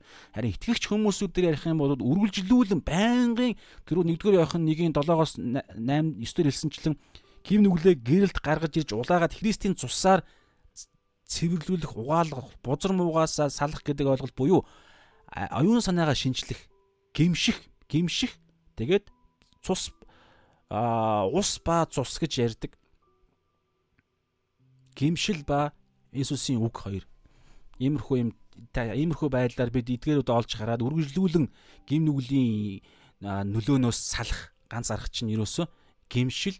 Тэгээд Есүс Есүс Христийн цусаар одоо угаалгах гэсэн үг дээр нэмээд Есүс Христийн сүнсээр оюун санаагаа шинжилээд сүнсээр нь одоо ялах гэдэг юм уу те ариусгах гэдэг юм уу төлөвшөх гэдэг процесс. Сүнс чинь өөрөө тулдсан шүү дээ те За ийм их юм ярьж байгаа. Тэгэхээр 11 дээр одоо оюун ухаан, завхарсан оюун ухааныг танилцуулж. Энэ бол яг итгэж биш хүмүүсүүд хамт хам сэдвийн дагуу ярьж байгаа шүү дээ. Итгэж биш хүмүүсүүдийг итгэх шаардлагатай гэдгийг танилцуулж байгаа. За энэ дээр нэг юм байгаа. 1-р Коринт 2:17 дээр оюун за би ихлэ саяны ишлээ уншаад хэл та. Ухаардаг, бурхныг эрен хайдаг, хайдагч алга гэж байгаа. Өмнө гэсэн шүү дээ. Өмнө нь гэсэнтэй гарчих нь бүх ишлүүтэй хаамааралтайгаар зөвхт хүн алга ганц жалга За тэгэнгүүт л одоо дотор нь задлж эхэлж байна. 11-ээс ухаардаг хүн алга Бурхныг ухаардаг хүн алга ганц жалах гэсэн үг. Бурхныг эрен хайдаг хүн алга ганц жалах гэсэн үг байхгүй юу? Тэгэхээр ухаардаг гэдэг нь одоо ярих гээд байна. Ухаардаг буюу оюун ухаан нь ухаардаггүй. Нэг нь ч ухаардаггүй гэдэг юм ярьж байгаа. Ийм оюун ухаантай. Ингиж ял тулгаж байгаа гэсэн. Энэ энэний үр дүнд нь ерөөсөө л үхэл яригдана гэсэн. Ял шид нүглийн хөлс бол үхэл. Тэгэхээр нүгэлт хүргээд байгаа зүйлс хүргэж байгаа тэр оюун ухаан ийм ийм гэсэн үг байхгүй. Тэгэхээр дуулал 14-ийн 2 дээр энэ байна. 53-ийн 2 дээр бас байгаа. Тэгэхээр сая нэгдүгээр Коринт 2-14 дээр ийм ишлэг байгаа. Харин харин төрлөх хүн буюу махбодийн дагуух итгэж биш хүн гэсэн үг. Махбодороо амьдардаг сүнс нь үхмэл тийм хүмүүс. Төрлөх хүн бурхны сүнсний зүйлсийг хүлээж авдаггүй. сүнслэг бурхны зүйлсүүдийг хүлээж авдаггүй. Ийм хүнд эдгээр нь мунхаглал бөгөөд сүнслэгээр цэгнэгдэж сүнслэр сүнслэгээр ойлгогдох учиртай эдгээр зүйлсүүдийг мэдж чаддаггүй. Тэгэхээр гим нүгэлтэй итгэгч биш хүмүүсүүдийн оюун ухаан нь ухаарах чадваргүй. Бурхны сүнсээр л ухаарах боломжтой юмыг Бурхны сүнс нь байхгүй. Өөрийнх нь сүнс нь үхмэл тийм хүмүүсүүд ухаарч чаддаггүй. Эндээс гадагшилж байна гэсэн. Тэг хүмүүс сүнслэг үннийг ойлгож чаддаггүй. Энэ загалмай сайн мэдээг хамгийн ихнийх нь юу? Сайн мэдээг л ойлгочих юм бол итгэх гээд байгаа байхгүй юу? Итгэж чинь. Тэгээд сайн мэдээнд итгэх юм бол ариун сүнс ороод ирнэ. Тэгэхээр ариун сүнс чинь сүнслэг зүйлсүүдийг цэгнэх нь цэгнэхт нь туслагаар ирж байгаа шүү дээ. Яг 14 16 дээр байгаа. Тэгэхээр гим нүгэлтэд завхарсан хүмүүс тийм байдаг. За ямар байдал байгаа байгаагаа ойлгодоггүй бас. Тэг ямар аимшигтай байдал байгаагаа ойлгодоггүй. Тийм учраас сайн мэдээ тараахаас өмнөх нөгөө залбирал энэ хүнийг сүнсийг нь зөөлж өгөөч эсвэл хоёроор нь илгээж байгаа чинь тэр шүү дээ. Нэгийг нь ярьж яхад нөгөөх нь залбирдаг шүү дээ. Залбираад нэгийг нь ярьж яхад нөгөөх нь ариун сүнсний тусламжтай эзний мотор хүрхийн төлөө залбирдаг. Тэгээд Йохан 6 дээр өнөөд бас байгаа. Эцэг хэн нэг нэг хүүрүү чиглүүлчихгүй чиглүүлэхгүй бол хинч хүүрүү ойртож чадахгүй гэж ярьж. Йоо итгэх хүүд итгэх боломж байхгүй. Төрлөх хүн угаасаа чадваргүй байгаа байхгүй. Тийм учраас бурхан аавал тэр хүнийг итгэхт нь итгэхт нь нөлөөлдөг. Итгэхт нь одоо ямар нэгэн байдлаар. Гэтэ энд судалж байна. Зарим зүйлсүүд бас библийн дагуу зарим зүйлсүүд бас жоохон хатуу хатуу үннүүд байгаад байгаа юм. Одоо юу гэдэг хатууч байхтай. Сонсоход жоохон хэцүү үннүүд. Одоо юу гэдэг урдаас мэдэх мэдлэг гээл нөгөө нэг тэ God's providence гэж ярьж байгаа. Урдаас харах, урдаас мэдэх мэдлэг, sovereignty гээл хэмжээшгүй эрх мэдлэг гээл дамаа урдаас мэдэх мэдлэр providence гэж яриад байгаа тэр ойлголт бол ойлголтын дагуу ингээ бодохоор их сонио судлах хэрэгтэй байгаа. Ягаад гэвэл зарим хүмүүсүүд сайн мэдээнд яриад ирээд залбираа залбираад итгэхгүй байгаа хүмүүс, итгэхгүй байх хүмүүсүүд харамсалтай нь гарч ирэх болж таарж байгаа хөөхгүй. Тамаа Юдаас хамгийн тод жишээ бол Юдаас байна. 3 жил бурхан өөрөө Есүс өөрөө хамт ажилласан шүү дээ. Эцсийн эцэд итгээгүй. Тодорхой хэмжээнд итгэсэн. Гэхдээ яг жинхэнэ месиад Есүст итгээгүй байгаа даа дутуу өөр байдлаар өөрийн зохиомол байдлаар нөгөө нэг яг нөгөө нэг Матай 6-гийн 23 хэд дээр байна да нөгөө нэг хоёр эзэн зэрэг үйлчлэх боломжгүй гэдэгтэй хамааралтай. Хоёр эзэнд үйлчлэл яваадсан байхгүй мөнгө эд баялаг. Нөгөө талдаа Есүс. Тэгээд аль альнтай нь хамтарсан аль альных нь их ашигыг нь тээж чадсан тийм месиа байна гэж ойлгоцсон. Гэтэл тийм биш байсан. Боломжгүй угаасаа яг тэр мөнгөний чинь цаана чөтгөр адилж байгаа. Гэтэ эзнээ болох гэдэг дээр л ярьж байгаа шүү. Тэрнээс биш. Угаасаа итгэж хүмүүс ч гэсэн мөнгөтэй хамааралтайгаар хийдэг. Энэ дэлхий дээр амьдарч байгаа хүн болгон мөнгийг багаж байгаа болгоно, хэрэглэн зорилгоо болгоно. Юм гол зорилгынхаа төлөөх багаж байгаа болгоно. Тэрнээс биш зорилгоо болгож эзнээ болгох гэдэг гэвэл өөр юм болж байгаа байхгүй? Боогочлогдно, мөнгөнд боогочлогдно гэх шал өөр асуудал. Юудаас тийм байсан байгаа даа. Тэгээ энэ яг өөр сэдв. Гэхдээ ямар ч байсан ингээд сүнслэг зүйлсүүдийг бид Библийн дагуу судалж ойлгох бол олон зүйлсүүд хариулт ирнэ гэж ярьж байгаа. Тэгээ бурхны ямар ариун гэдгийг бас ухаардаггүй ойлгодоггүй. Ариун гэдгийг ойлгохгүй бол гим нүглийн яа шитгэлийг ойлгохгүй байхгүй. Шудраг гэдгийг ч ойлгохгүй. Ариун шудраг байдлаас ч үүдэж аюул муу мэдээг хүн ойлгож чадна. Бурхан ариун учраас гим нүгэлтэй хамт байх ямар ч боломж байхгүй. Заавал шийдэх ёстой. Шудраг байдал нь гарч ирдэг. Уялдаа холбоотойгоор.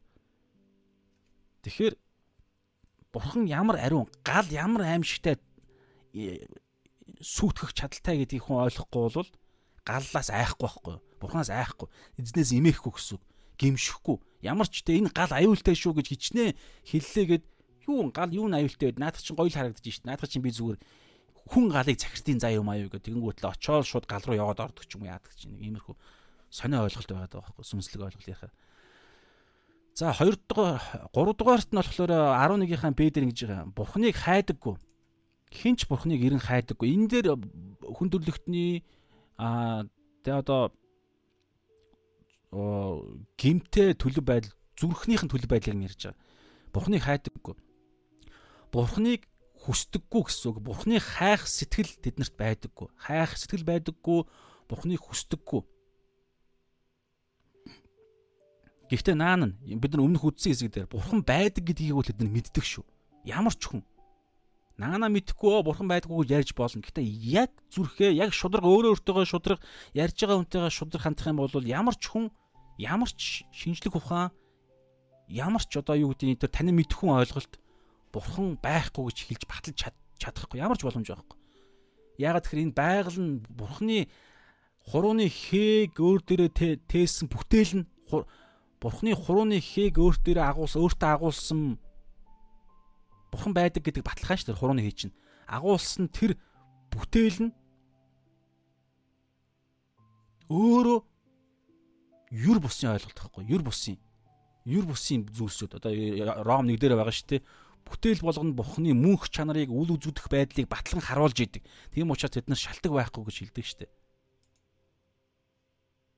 Ром 1-ийн 23 дээр ингэж байгаа байхгүй.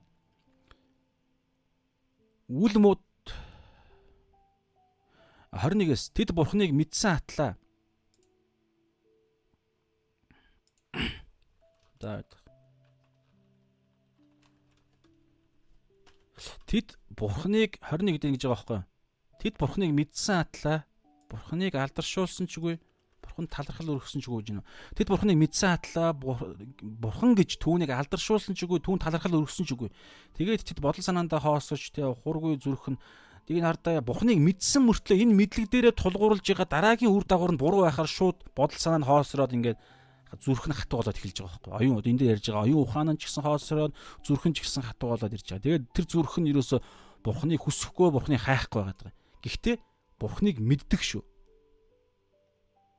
Өмнө гэсэн шүү дээ. ертөнц бүтээгдснээс хойш түүний үл үзэгдэх чанарууд нь түүний мөн хүч ба бурхан чанар нь бүтээгдсэн зүйлсээр нь дамжин ойлгогдож илэрхий харагдаж байгаа тул тэдэнд шалтгаан байхгүй. Бурхан байдаггүй маа гэж хичнээн хэлээд би нүдэрээ бурхан хараагүй штэ гэж хичнээн шалтгаан хэлэхээ хэллээгээд бүтээгдсэн бүх зүйл нь бүгдийг нь хэрэг хүн ажиглаж чадвал ертөнц бүтээгдснээс хойш түүний үл үзэгдэх чанарууд буюу сүнслэг чанарууд нь бурхан харагдахгүй махад нь харагдахгүй. Тэгвэл бүтээгдсэн зүйлсүүд нь тэр бурханы харагдахгүй тэр чанарыг ямар гайхалтай ер бусын мэрэгүү ухаантай хүч чадалтай гэдгийг нь бүтээл нь өөрөө харуулж идэг. Тийм ээ, бурхан байдэн штэ намайг хараач. Ийм намайг ингэж бүтээсэн ингээд орилж идэг гэсэн үг. Түүний мөн хүч буюу тэр ямар гайхалтай хүч чадалтай бурхан гэдгийг нь бүтээлүүд нь харагдаж идэг. Энэ сансар окторго энэ одоо юу гэдэг галактик, малактик тэгэл хүний энэ биологийн ер нь шинжлэх ухааны хүмүүсүүд энийг бүгд ойлгоно гэсэн. Яг үнэхээр шудраг хандаж чадвал бүгд бурханыг бүгд бурханд гараа өргөөл бүгд бурханд итгэх боломжтой хүмүүс байхгүй уг нь бол Гэхдээ тэнд бол өөр төвшөнд цэцэн мэрэгний бүдрүүлэл тэнд явагдаж байгаа. Бардамналж гэдэг юм уу дараа дараагийн аимшигтай зүйлсүүд. Тэр утгаараа нүгэлтэй гэдгийг нүгэл гэдэг энэ бурхны хуулиар л хүн итгэх боломжтой. Тэрнээс биш ерөнхий илчлэлтийг хараад хүнд яг итгэх хүмүүс бас бүгд итгэхгүй байгаа даа байхгүй. Ерөнхий онцгой илчлэлт буюу ямар нүгэлтэй гэдгийг нь ойлгуулж иж. Тэгээд тэр нүглийг нь мэс чанар нь буюу нүгэлтэй гэдгээ ингээд хэлэхэд одоо бид нэг ишлэл уншина яг хүлэн зөвшөөрнө угаасаа. Зөвшөөр зөвшөөрөх угаасаа мөн чанартай хүрт өөрийнхөө мөн чанартай хүртэл хүн хэрүү шудраг хандаж чадвал хүлэн зөвшөөрөхөр тийм байна. За тэгэнгүүт л 23 даа гэж байгаа байхгүй. Энд дээр хараа да Бухны хайдаггүй мөртлөө зарим хүмүүс хайдагчтай гэж ярьж байгаа. Жишээ нь одоо харалт янз бүрийн байгалыг одоо одоо бусад шашнууд бурхныг хайж байгаа шүү дээ. Яг олж чадахгүй байгаа болохоос ш тэгээ бурууг бурууг нь л олцсон болохоос ш гэж ярьж магадгүй. Гэтэл ийм факт байгаа даа байхгүй. Бурхнаас татгалзаж байгаа, бурхнаас зүгтааж байгаа нэг хэлбэр гэж ярьж байгаа. Шашнуудыг, бус шашнуудыг. Яагаад вэ гэхээр яг хэрв үнэхээр үнэхээр эрүүл ухаанаар үнэхээр бурхныг тэр цор ганц нэг бурхныг хайх тийм сэтэл нь байгаад үнэхээр бурхныг Одоо энэ дээр 11 дээр тэгсэн шүү дээ. Бурхныг эрен хайдаг хүн алга ганц чалга гэж ярьж байгаа. Энэ дээр ингэж эрен хайхтаа үнэхээр яг тэг хичээнгүүлэн энэ дуулал 14-ийнхаа 2 дээр 53 2 дээр ч гэсэн байгаа байхгүй хичээнгүүлэн тэр хайх гэдэг ойлголт. Тэр тэгж хайдаг хүн болвол өөр шашин шүтгэхгүй байхгүй? Жишээ нь яаж ч үнэхээр бурхны хайж байгаа хүн бол яасан ч буддаг шүтгэхгүй. Ягаад тэгэхээр буддаа ч өөрөө ч өөрийгөө бурхан гэж хэлээгүй нэгдүгээр хоёрдугаар буддаа ч өөрөө өвч гисэн буддаад тийм энэ ертөнцийг бүтээсэн өөрийгөө би бүтээгч хэлж хэлээгүй тэгэж хэлдэг нэг ч одоо юу гэдэг өөр шашны нэг ч тийм одоо төлөөлөл нь байхгүй шүү дээ. Би энэ бүтээ энэ зүйлийг бүтээсэн. Тэр бүтээсэн гэдгийг нь баталсан ном зам библи шиг энэ ном ойлголт ерөөсөө байхгүй.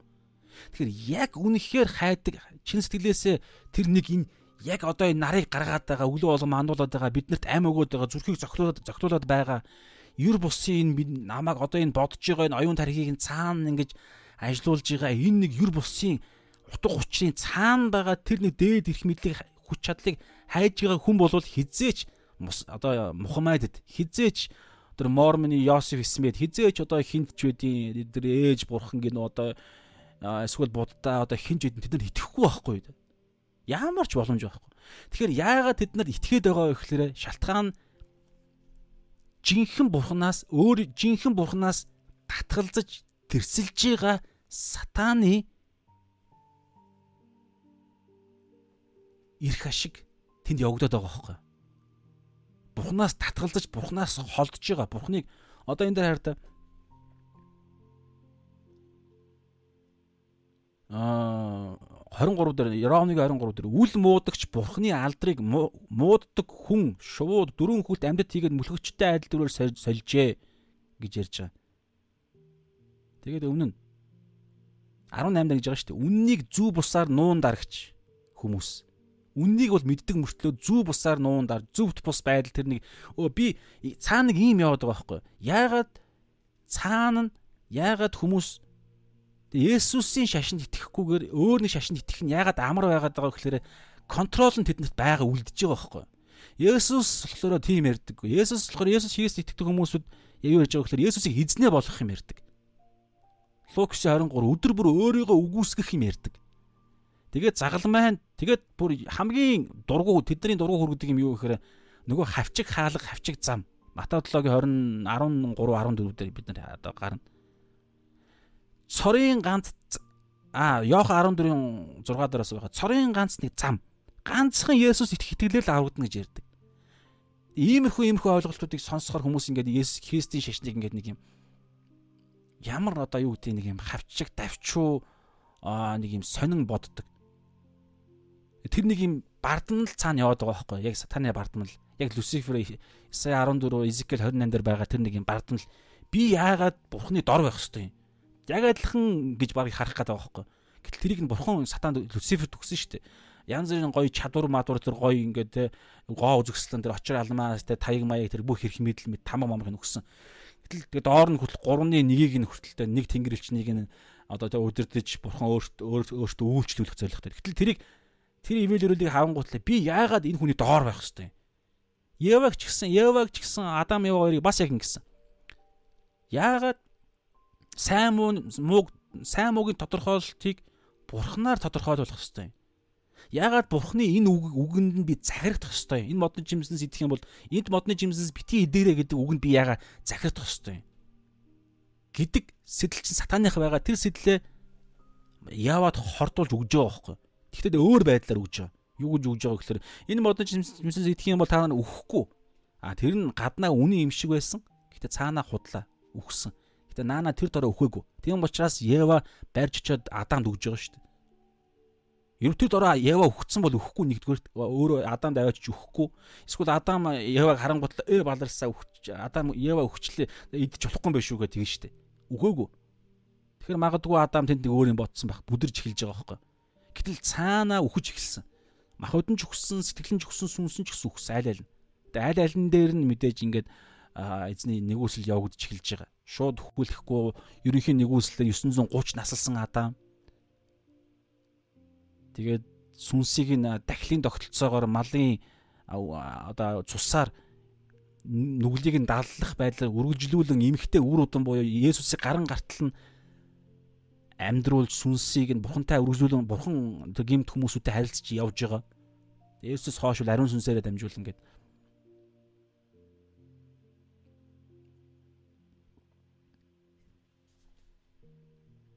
Тэгэхээр энэ дээр бүтээлээс хоош хойш бол энэ зүү бус байдлаараа дамжуулан хүмүүс бурхны үннийг зүү бус байдлаараа дамжуулан бурхны үннийг далдалдаг албаар.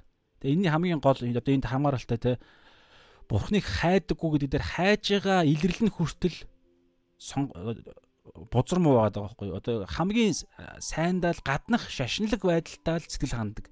Гаднах байдлаараа л нэг тодорхой хэмжээнд л бурхныг хайж байгаа дүр хайдаг хүмүүс.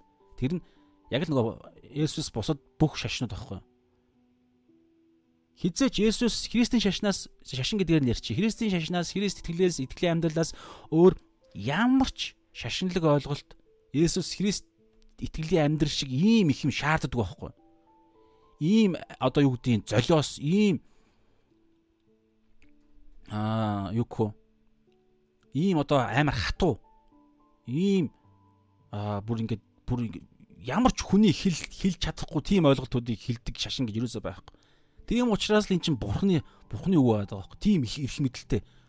Эхлэл эхлэлний Библийн эхний намыг нэгээл ерөөсөө ихэнд бурхан тэнгэр газрыг бүтээж игээл эволюцийн хуулийн эсрэг шууд асар том ойлголтоор гараа. Эволюцийн хуулиас эволюцийн хуулиас ч өмнө шүү дээ. Эволюцийн хууль ч одоо манай эртний ойлголт. Гэтэл эхлэл эхлэл эхлэл ном чи өөрөө Есүсээс манай эрнээс эртний өмнөх 1400 500 оны үед бичигдсэн ном шүү дээ. Эволюцийн дээр дайруу майрунаас бүр хэдэн мянган жилийн өмнөх ойлголт. Гэтэл дайруу бол дараа нь гаж ирж байгаа. Ерөөсөө тийм ойлголт байгаагүй бүр анханасаа бурхан бол шууд өөрийнхөө үгийг шууд шууд хэлж байгаа байхгүй. Тийм учраас аюултай тэд нар итгэх яг хорон муугийн бузар муугийн хүмүүсүүд чинь итгэх хүсэхгүй байгаа байхгүй. Тэгээ оронд нь юу буддаад итгүүл амархан. Тэгээ одоо бусд нь итгүүл амархан байгаа байхгүй. Яагаад гэвэл зарим хэсэг нь би өөрийнхөө одоо тэр нөгөө нэг эрх нь тусгаар тогтол хараа тус байдал нь байж байгаа үлдэж байгаа учраас гэдэг ойлголт. Тийм учраас энэ дараах юм бол үл муудагч бурхны алдрыг мууддаг хүн шуур дөрүн хөлт амьтад хийгээд мөлхөгчтэй адил дүрээр сольжээ. Ерөө бурхны алдрыг бурханд нь өөрт нь өгвөл тэд нар бурханд боочлогдох гээд байгаа байхгүй эзнээ болох гээд байгаа. Харин хүн шууд дөрвөн хөлт амьд альва ямар нэгэн мод алтаар бүрсэн нэг юм хиймэл шүтэнэ бүтэж хиймэл шүтэндээ алдрыг өргөвөл хиймэл шүтэнэ өөртөө захирж болно. Хиймэл шүтэнийхээ дагуу хүссэн ном одоо тэ нөгөө нэг шашныхаа одоо дүрм сургаалуудаа өөртөө хүн зохиож болно таалагдах байдлаараа аюултай биш. Харин бурханд алдрыг үргэл бурхны нөгөө нэг Израильчууд байгаа хууль захирах хэрэгтэй болно. Гэтэл нөгөө хууль нь юу гэдэг байгаа гэхээр ямар аимшигтай нүгэлтэй гэдгийг нь батлаад байгаа байхгүй. Бурхан тэр ариусгах боломж нь өгөхгүй.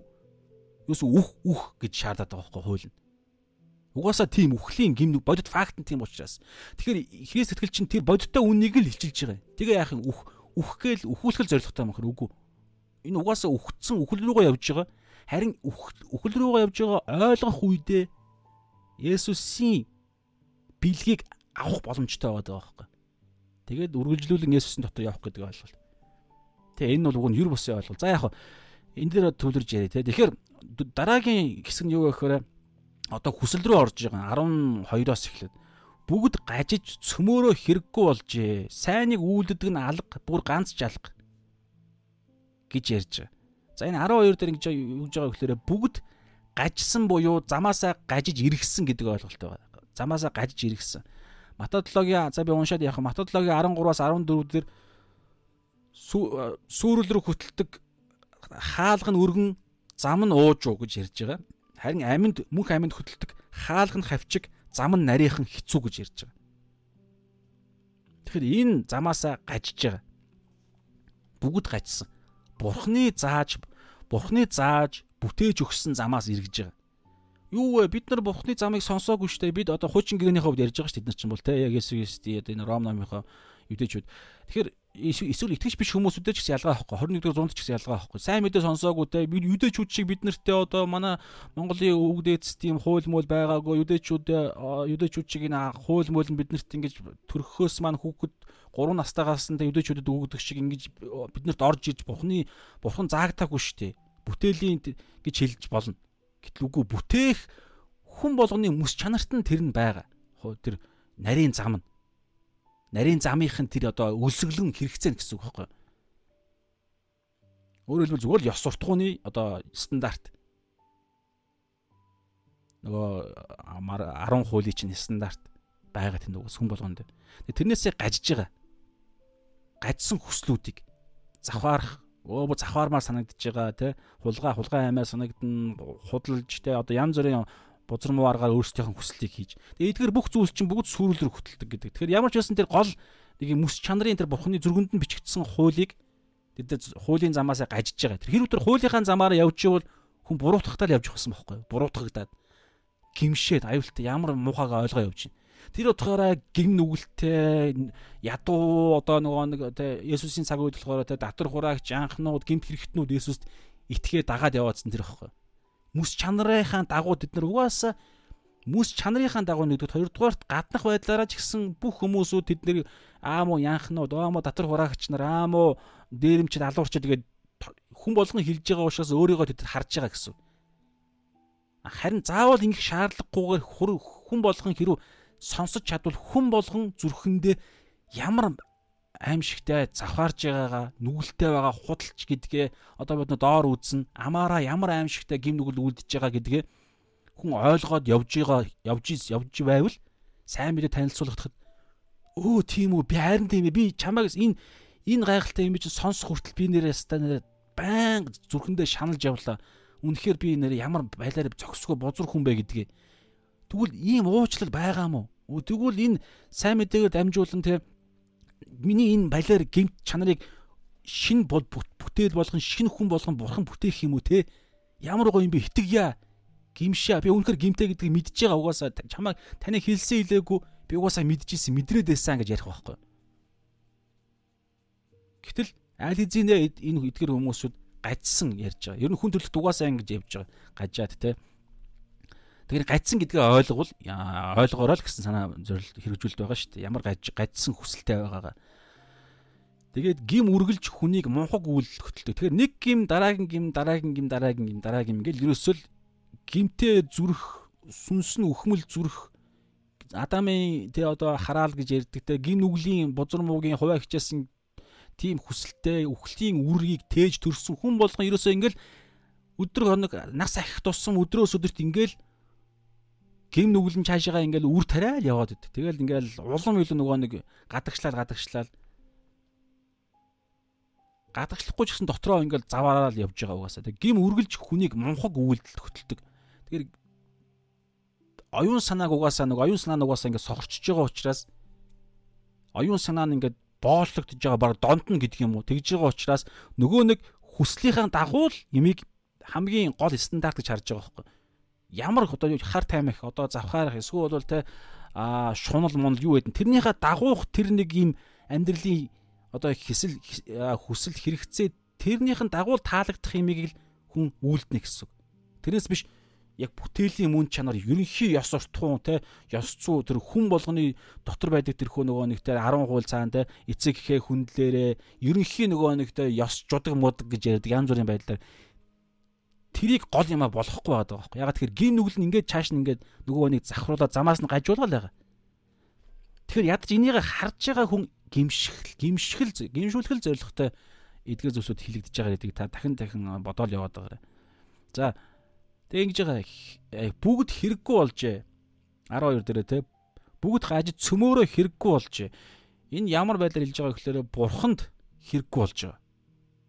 Бурханд хэрэггүй бурхны сайн зориг буюу хаанчлалын зорилгод хэрэггүй болж байгаа. Сатанд хэрэгтэй. Сатаны хаанчлалын зорилгод хэрэгтэй буюу энэ дэлхийн ертөнцийнх нь сатанаа бий болгож байгаа хорон муу, ёрын муу хүч тогтолцоог бий болгоход хэрэгтэй. Улам илүү дэлхийн зүйлдээ ухаантай болно.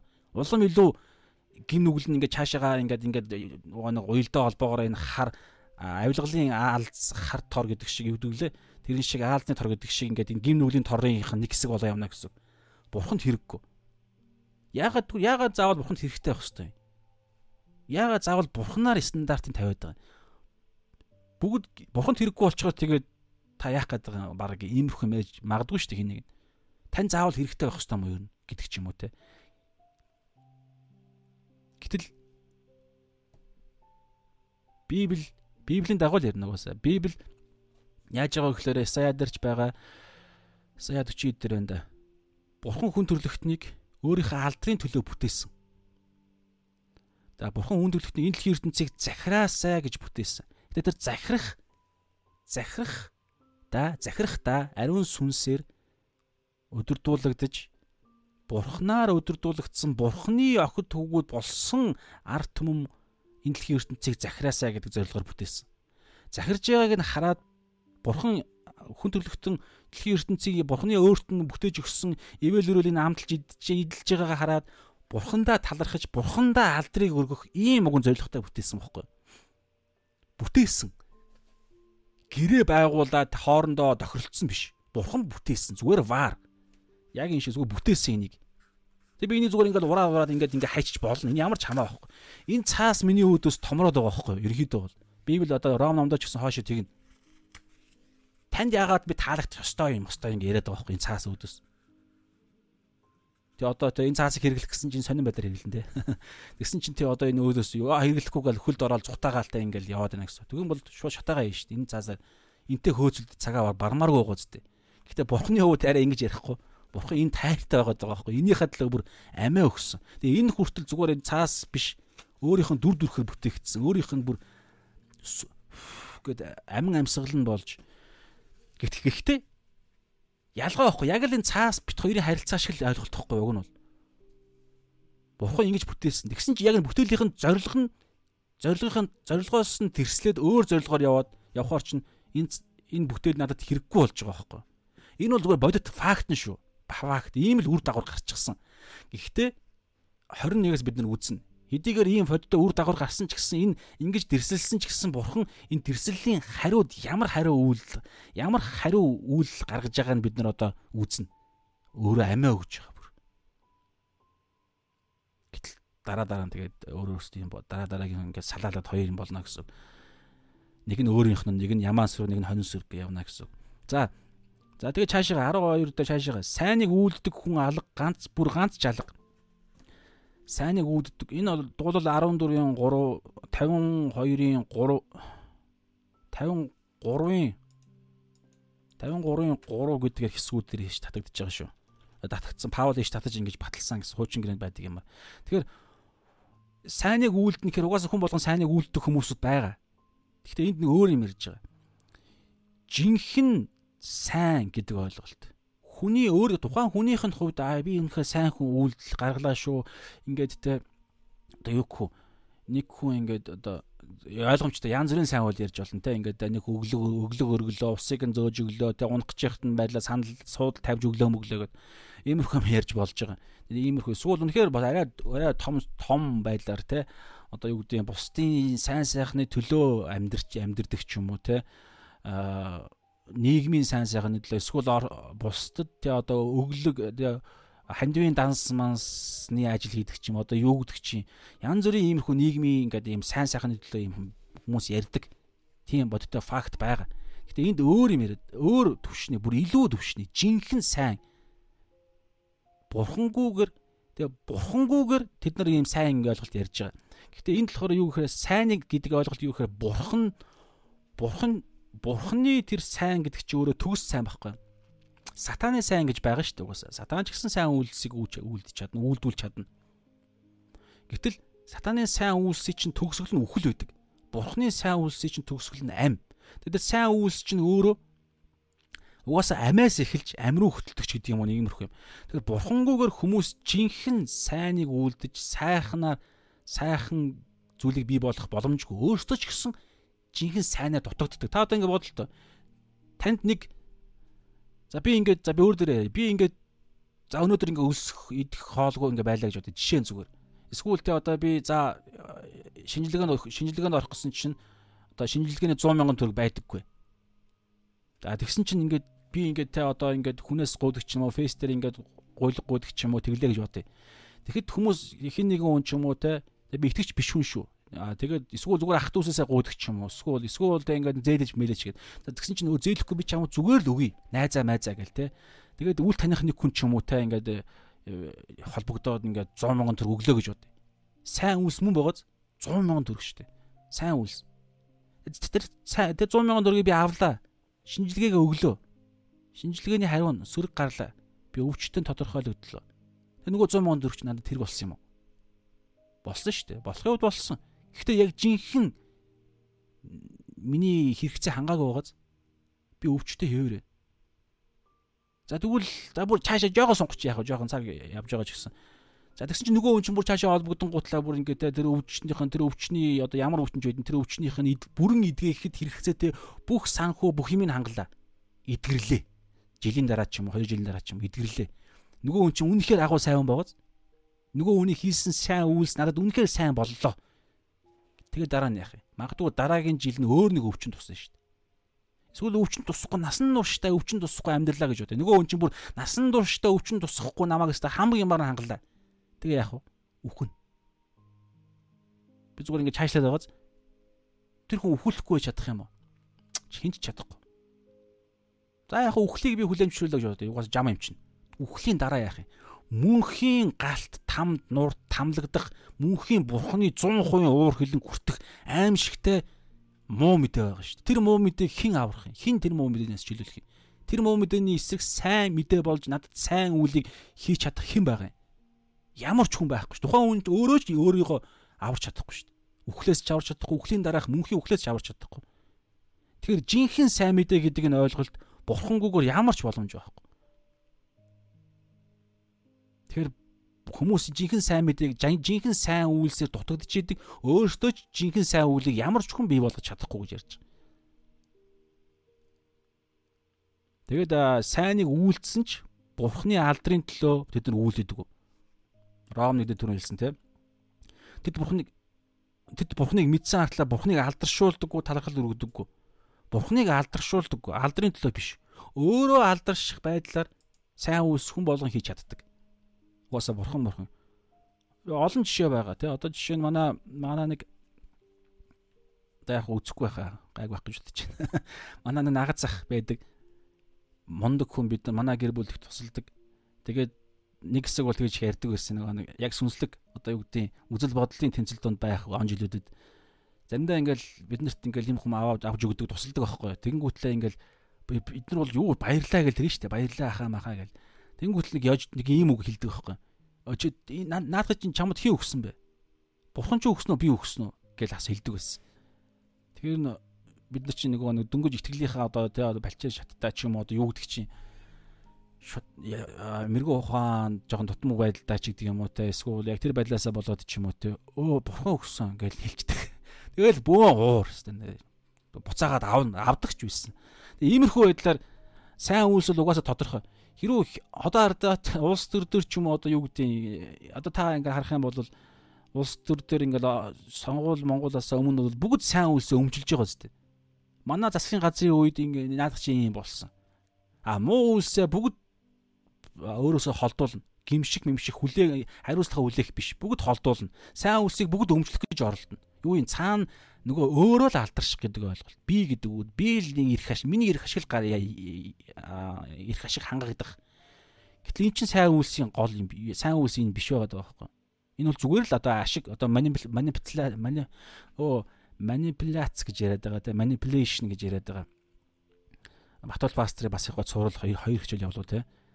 Тэгэхээр manipulation буюу манипуляц гэдэг байгаа тэр чинь нөгөө нэг өөрийнхөө л эрх ашигын төлөө тухайн рекламдах өөрийгөө одоо тий одоо PR хийж байгаа үйл явдал байгаа байхгүй. Тэгэхээр тэр чин сайн үйл мүү юм уу? Тийм биш байхгүй. Гэтэл сайн Ром Эфес 2:10 дээр бол итгэгч хүн болгоныг сайн үйл сайн үлийн төлөө бүтээсэн гэж байгаа. Матай 5:16 бас сайн үйл. Тэгээ энэ сайн үйл Матай 5:16 дээр Бурхныг алдаршуулахын тулд Тэнгэрт эцгийг чинь эцгээ алдаршуулахын тулд та нарын сайн үйлс тэдний өмнө тийхүү гэрэлтэх гэж байгаа. Өөрийгөө алдаршуулахын тулд гэрлэх биш. Бурхныг алдаршуулахын тулд. Тэгэхээр бурхан аав алдарш ганцхан арга зам байгаа. Цорын ганц зам үнэн ам болсон Есүст итгэж ижил хин нэгэн бурхныг алдаршуулна. Тэгэхээр бурхны хаанчлалын төлөө явна гэдэг чинь тэр байхгүй. Гэтэл энэ дэр ийм болохгүй болоогүй бол ийм болдоггүй сайн сайныг бол сайн гэж хэлээгүй. Тэр утгаараа энэ дэр сайныг үүлддэг нь алга бүр ганц жалга гэдэг юм тэр байхгүй. Есүс итгээг итгээгүй хүн болгон сайныг үйлддэггүй гэсэн үг байхгүй. Тэдний өөрсдийнх нь сайн үйлдэж байгаа гэдэг нь яг жинхэнэ сайн үйлс биш байхгүй. Зүгээр тэр манипуляцны манипуляцийн л ойлголт. Эсвэл заавал яг хувьдаа би ашиг онж авахгүй ч гэсэн ерөнхий нэг юм ойлголт яриг цаанаа магадгүй. Ерөнхий те одоо юу гэдэг бурхан гэж ярихгүй зүгээр хүн төрлөختөн. Эсвэл монгол хүн ч гэдэг юм уу те. Эсвэл бол одоо юу гэдэг хүн бид нар бол гээл бурханыг холдуулчаад хүн төрлөختөн бид бие биенээ хайрлах хэвээр те. Манай одоо юу гэдэг үндэстэн манай энэ одоо одоо нийгэмлэг те одоо тих ёстой. Тийм учраас тэр нь яг жинхнээсээ тийм байж болно л доо. Гэхдээ бурханд алдар нь юусаа байхгүй. Тэгээ хоёрдугаарт бас нэг юм ойлголт байгаа. Ром 14-ийн 23 даа гэж байгаа байхгүй. Харин эргэлзэгч нэгний хэрв идэх аваас яллагдана. Учир нь итгэлээр бус итгэлээр бус юм а. Итгэлээр бус алив бүхний нүгэл юм а гэж байгаа. Итгэлээр бус буюу Есүсийн Есүсийн амьдрсан 3 жилийн амьдрсан амьдрал амьдралын нэг юм амьдралын зам байгаа шүү дээ. Амьдрал байгаа шүү дээ. Хэм маяг. Тэр амьдрал чинь биднэрт нэг юм амьдралыг нэг юм нэг юм амьдралын нэг юм зориг төлөв байдлыг биднэрт харуулсан. Мата сайн мэдээний дөрөв номон дээр байгаа. Тэгэхээр тэр төлөв байдлын дагуу тэр зориг тийм одоо тэ нөхцөл байдал дундал тийм л зорилгоор биш болвол нүүл байгаа даа байхгүй. Итгэлээр гэдэг нь Есүс тэгэхэд тэгвэл Есүс өөрөө юу гэж байгаа Яохан 6 5-ын 19 Яохан 5-ын 30 хэдэн ямар ч Яохан 5 6 дээр байгаа. Есүс өөрөөсөө юу ч хийдэггүй. Бүгдийг эцгийнхаа төлөө эцгийнхаа хийж харуулсан эцгийнхаа алдрын төлөө хийдэг. Тэгэхээр яг энэ л зорилгоор биш бол бүх зүйлс эн чинь өөрөө итгэл гэсэн үг байхгүй юу? Итгэл гэдэг чинь өөрөө Есүстэй нэгдэх нэг Есүс те нэгдэх нэгдэл гэж ярьж байгаа. Есүсийн тэрхүү зүйлийг өөртөө хүлээж авах. Есүстэй нэгдэх. Тэгэхээр Есүс Есүс гэдэг байгаа зүйл чинь өөрөө юу гэхээр эцгийг алдаршуулах, Бурхны хаанчлалын төлөө тэр нэг ерөнхий юм яриад байгаа.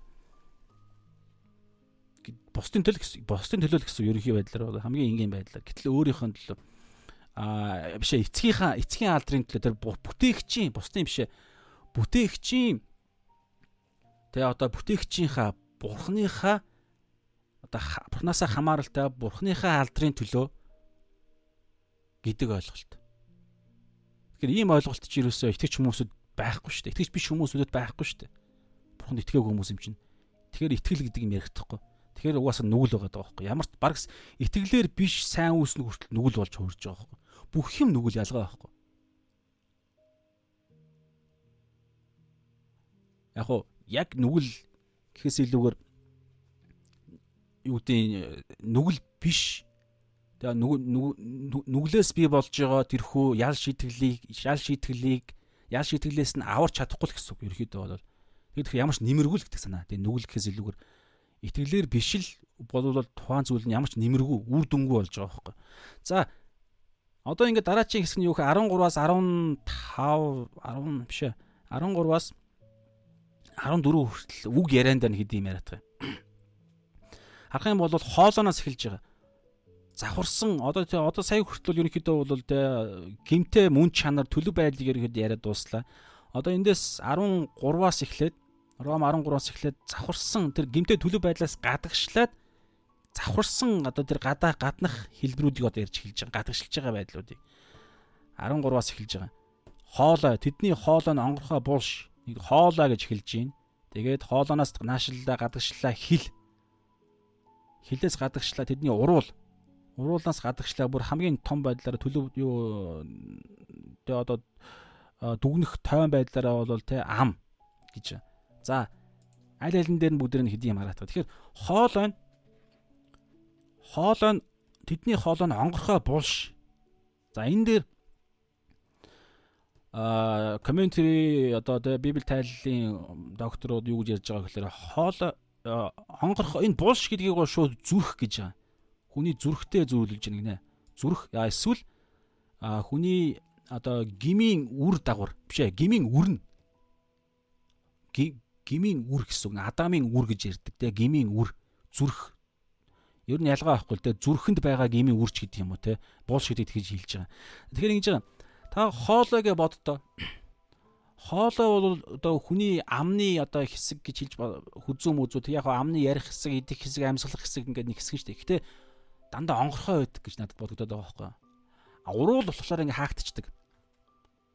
А харин хоолой бол хаагдахгүй. Хэрвээ хоолойг одоо ингээд би дотроо хоолоогоо шахаад хоолоогоо хаадаг ч юм уу гараараа хоолоогоо ингээд баздаг ч юм уу.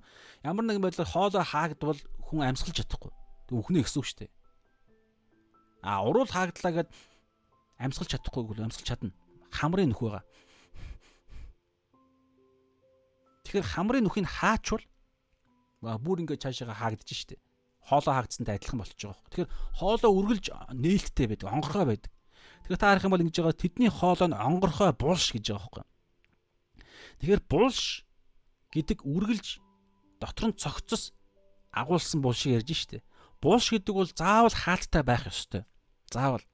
Ерөө булш онгорхой байх юм бол булш нь онгорхой, дээр нь те одоо таг нь хаа онгорхой, дээр нь шороо мороо асагдаагүй буюу ингээд шууд агаар мандалд онгорхой байх юм бол хажуугаар нь явж байгаа хүн болгон өмхийн үнээр нөгөө нэг бузар муу тэрхүү аюултай, хортой, вирустай, өвчин, тараах, мараах тэр аимшигтай зүйлс чинь шууд цацагдана гэсэн үг.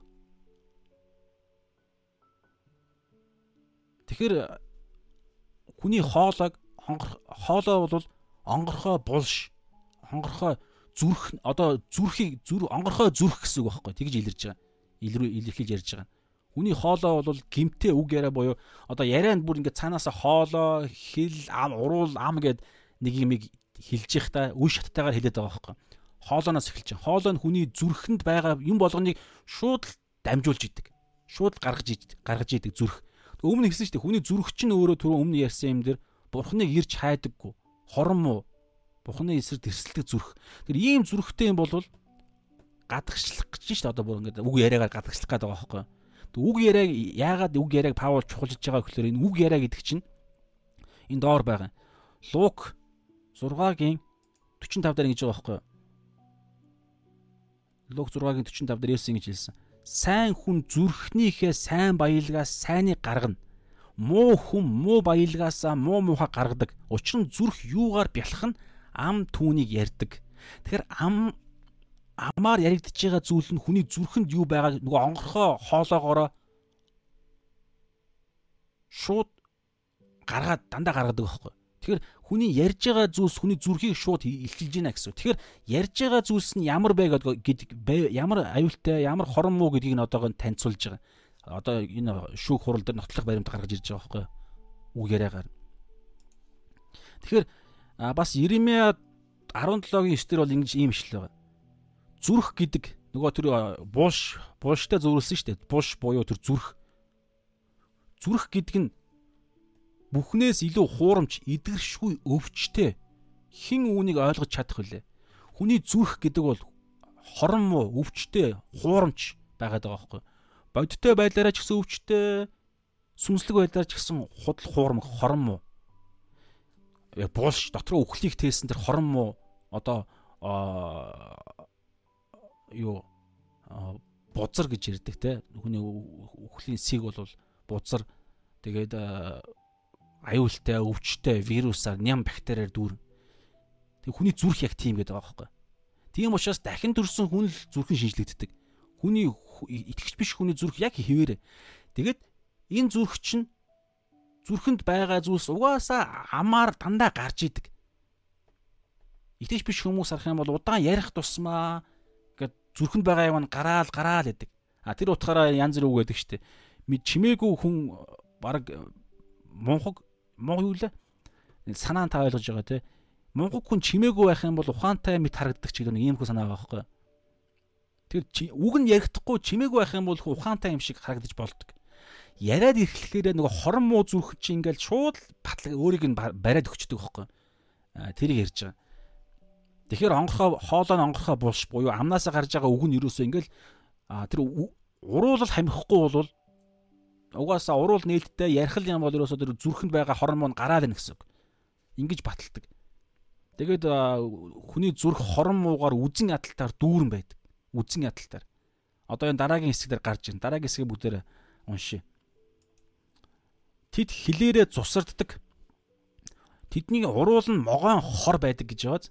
Хилээрээ цусарддаг буюу хилээрээ хууран мэхэлдэг. Ингээд хоёр юм ярьж байгаа. Ерөнхийдөө бол цусардах буюу худал Тэгээ одоо зусардах буюу аа худ хэтрүүлэн магтах. Одоо бялдуучлах гэж ярьдаг те. Хэтрүүлэн магтах. Тэгээ бас худал үг яа хэлэх. Худал үгээр бас хэтрүүлэн магтах нөгөө нэг түрүүний ярьсан манипуляц гэдэг шиг те хорон зоригтойгоор хэтрүүлэн магтах цаасан малгай өмсгөх дээр нэмээд худлаа үгээр хуурч мэхлэх байдлаар мэхэлдэг мэхэлж одоо хүмүүсүүдийг одоо тий хордуулдаг, хохироодог гэсэн үг. Тэгээ энэ дээр бол дуулал 5:9 Иремья 5:16 гэдэг хэсгүүдийг татсан байгаа. Тэгэнгүүтлээ одоо гадагшил чинь түрүү хоолоо ярьсан хэл ярьчлаа. Тэгээ хэл гэдэг дээр ч гэсэн за цаашлаа гадагшлаа. Тэдний уруул нь уруул доор нь могоон хор байдаг. Тэгэхээр ерөнхийдөө бол сатаны хамгийн гол арга зам бол ерөөсөө л энэ үг байхгүй юу? Яагаад үг гэдэг байгаа гэхээр угаасаа хүний бүтээлийг чинь онцлог болохоор онцлогийн дагуул сатан ерөөсөө яг яг л маш залтай учраас яг тохирох аргаар нь л хүмүүсүүд рүү дайрдаг. Мэхлэх гэж оролддог. Хүн бурхны дүр төрхөөр бүтээгдсэн. Бурхан ч өөрөө яаглаа 6 өдөр орчлын ертөнцийг бүтээхдээ үгээрээ бүтээсэн. Тэгэхээр үг гэдэг бол бүтээх чадвартай. Тэгэхээр хэрэг хүн үгээр тухайн үгийнх нь үгийг нь захирдаг зүрх зүрхийг нь захир зүрхээ захир зүрхийг нь захирдаг сүнс сүнсийг нь захирдаг ариун сүнс гэдэг ойлголт иймэрхүү уялдаа холбоо байхгүй болвол тухайн хүний үгийг зүрхэн захирна. Зүрхийг нь чөтгөр захирна. Тухайн хүнийх нь зүрх нь өхмөл байгаа шүү дээ. Чөтгөр захирна махуудын хүслүүд ирнэ. Дэлхийн ертөнцийн элдв янзын одоо тогтолцоогоор дамжуулан тэгэхээр хэрүү хүний зүрх үгийг түрүүн явж явж байгаад ариун сүнс ариун сүнс буюу орчлын ертөнцийг бүтээсэн бурхан захирвал сайныг бүтээн. Аврал, урамшуулалт, босгон байгуулах тэ?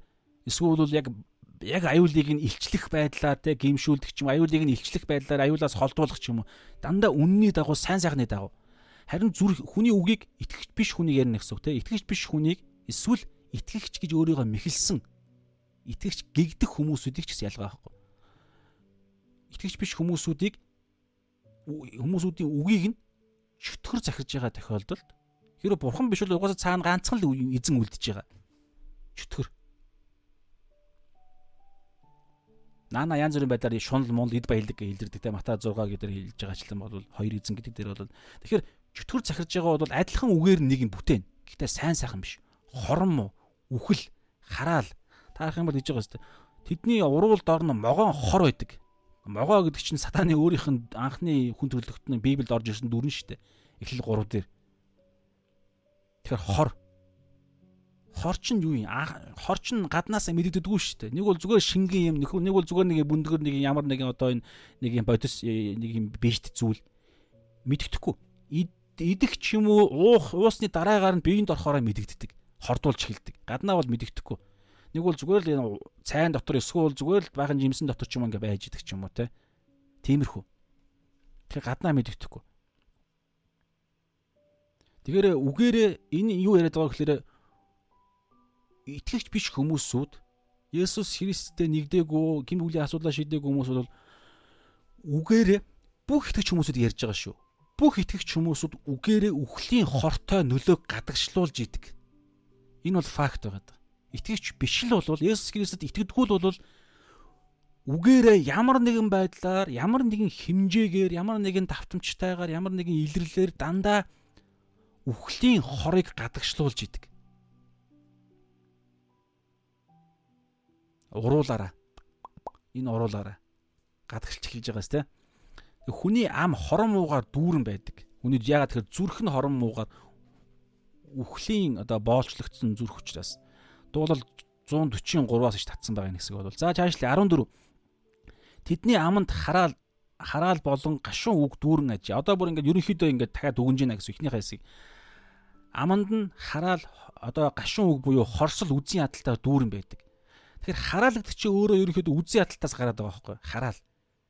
Ахсар үзийн ядсаа уушаа би чамаа ингэж юм да гэж харааж байгаа зү. Тэгэхээр үзэн ядалт. Үзэн ядалт чи өөрөө зүрхэнд бий болдог. Есүс Матай дээр Матай 5 дээр бол Есүс үзэн ядалт чинь хүн алах алахын яг үрнэ гэж байгаа байхгүй. Яг гаднаа хүн алчхал юм бол одоо хүн төлөвлөлтний хууль муулаар нийгмийн эрүүгийн хуулиар хүн алсан гэдэг бол сүнслэг хуулиар тэгдэггүй. Үзэн ядах нь өөрөө аль хизээний алсан илэрлэж ярьж байгаа. Тэгэхээр энэ ам ам амаар яаж илэрдэг вэ гэхээр зүрхэндээ үзий ядж байгаа хүнд харагдахгүй шүү дээ. Наанагаа инээдэж болно. Аа яг зүрхэндээ үзий ядж байгаа хүн яаж хизээ баригдах вэ гэхээр нэг бол үйлдэл болж нэг бол үгээрээ хараал болох үед хараал болох үед ямар нэгэн байдлаар яг тэр нэгийн дооц нь бүртгэх юм бол хараадаг шүү дээ. Тин чи үзий хаталт яваад байгаа байхгүй. Хормоо үгс. За итгэгч нартай хэрэг ийм их юм хум яригдж байгаа бол бас арай өөр төвшөнд яригдж болно. Гэхдээ а нөгөө нэг оюун санаагаа шинчлэх сүнс зүрхээ ариун сүнслэг те бурхны тааламжтай сайн сайхан төгс төгөлдөр тэр гой зүйлээр дүүргэж хүний үг яриа хүрт идгэрэх процесс яригдж байгаа шүү дээ те. Тэрнээс биш яг үзий ядалт гэж ярихгүй байх хэрэгтэй арай өөр ярих байх. Гэдэг үрэн байгаад үрэн байгаад байгаа байхгүй юу? Итгэж биш байх үеийн тэр хүн нэг юм үзий ядалтыг үрэн тийм учраас гимшил маш чухал гимшил болон түүний сүнс ба үгээр оюун санаагаа шинчлэх зүрхээ дүрх хамгийн гол. За хорон үгс. За тэгэл ерөнхийдөө бол тодорхой э, маргашгууд болгоо бүгдэд ягаад тэр үг гэдэг чинь уус хүн болгон сонсогддог. Тэгээд ирэхээр хүн болгон сонсогдож байгаа учраас тэр хүний зүрхэнд ямар аимшигтай байгааг нь илэрж байна гэсэн. Энэ энэ дуулал 10-ын 7 дээр энэ 7 энэ дээр иш татсан байна. За 15 дээр болохоор одоо гимт үйлдэл болж ярьж байна. Эхэндээ үг ярьж исэн. Одоо хоёр дахь нь те. Эхнийх дээр болохоор яг гимт мөн чанарыг нь ярьсан те. Зүрх биш оюун санаа зүрх хүсэл гээд дараагаар нь үг яриан дээр ярьсан энэ дээр бол те хоолой хил уруул ам гэдэг байдлаар явсан. Одоо 15-аас 18 дуустал одоо яг үйлдэл баягаар явж байгаа. 10 17 хүртэл явж байгаа үйлдэл баягаар ингээд хөл ярьж байгаа хөл. За 15 дээр бол ингэж байна. Тэдний хөл нь хөл цус урсгахтаа түргэн цус урсгахаар яардаг гэсэн үг. 16 дээр тэдний замд сүрэл ба гай гамшиг бий. Тэгэхээр замд нь хүл явж байгаа тэр цус урсгаар яаран явдаг нэгдүгээрт. Хоёрдугаарт тэр замд нь сүрэл гай гамшиг байнга тааралддаг бас өөрсдөө гай гамшиг бий болгож идэг. 17 дээр тэд амар амгалангийн замыг мэддэггүй. Амар амгалан амар тайвны замыг мэддэггүй. За ийм гурван юм дээр бүгд ярилцаад байгаа. Нэгдүгээрт цус урсгахаар яардаг. Энэ сургаалт өгс 1:16 дээр Исая 59-ийн 7-оос 8 дээр иш татсан байгаа юм хэсэг. Тэгэхээр хүчирхийлэлд маш амархан өртдөг. Өөрөө ч өртдөг, бусдыг ч гэсэн маш амархан хүчирхийлдэг. Хөл гэхэр ийм ярьж байгаа. Тэр зам нь хүчирхийллийн зам багхгүй. Хүчирхийлэл. Нөгөө зүрхэнд байгаа юм нь гадагшилж байгаа.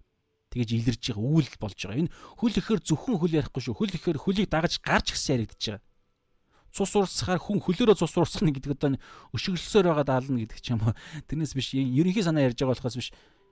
Ерөнхийдөө бол гар хүлгэл ерөнхийдөө тэр нэг юм үйлдэл яг биеийн үйлдэл яриад байгаа шүү гадагшлах. Тэгэхээр маш хүчирхийлэлд маш амархан өртдөг, өөрөө хүчирхийлэлд өртчихдөг, өөрөө ч хохирно гэсэн үг байхгүй. Ягаад тэгэхээр явж байгаа зам нь ийм зам.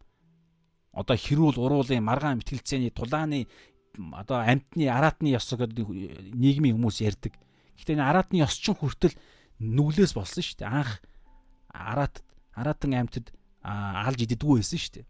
Бүгд махан идчихтэн байгаагүй. Цус урсдаггүй байсан. Бүгд л одоо өвсөн тижээлтэй байсан гэсэн үг байхгүй хүнтэй адилхан. Жимсэн тижээлтэй, өвсөн тижээлтэй. Ногоо ургамал ногоон тижээлтэй. Биеийн ч гэсэн тийм байсан. Гэд хүний гим нүглээс болоод энэ араатны ёс чинь гараад ирсэн. Тэг хүн явандас хүн өөрсдөө хүртэл баг тийм болж эхэлж байгаа. Тэгэхээр маш аимшигтай нийгэм. Тэгэхээр өөрсдөө ч хүртэн алуулна, бусдад алуулна, өөрсдөө өөрсдөө ч гэсэн үгээрэж байна уу, үйлдэлээрээ ч ямар нэгэн байдлаар бусдыг хохироож ална гэсэн үг. Тэгээд ингэж байгаа бас нэг шалтгаан ам гэдэг ойлголт ерөөсөө тэднэрт бай. Амийн үнцэн гэдэг ойлголт байхгүй. Мөнхийн ам, сүнслэг ам гэдэг юм ерөөсөө байхгүй. Амийг бол зүгээр л жам ёсны. Бараг тэ яг араатны нөгөө нэг тэ хүчтэй нь хүчхүүгээ дийлдэг. Нөгөө нэг юу лээ?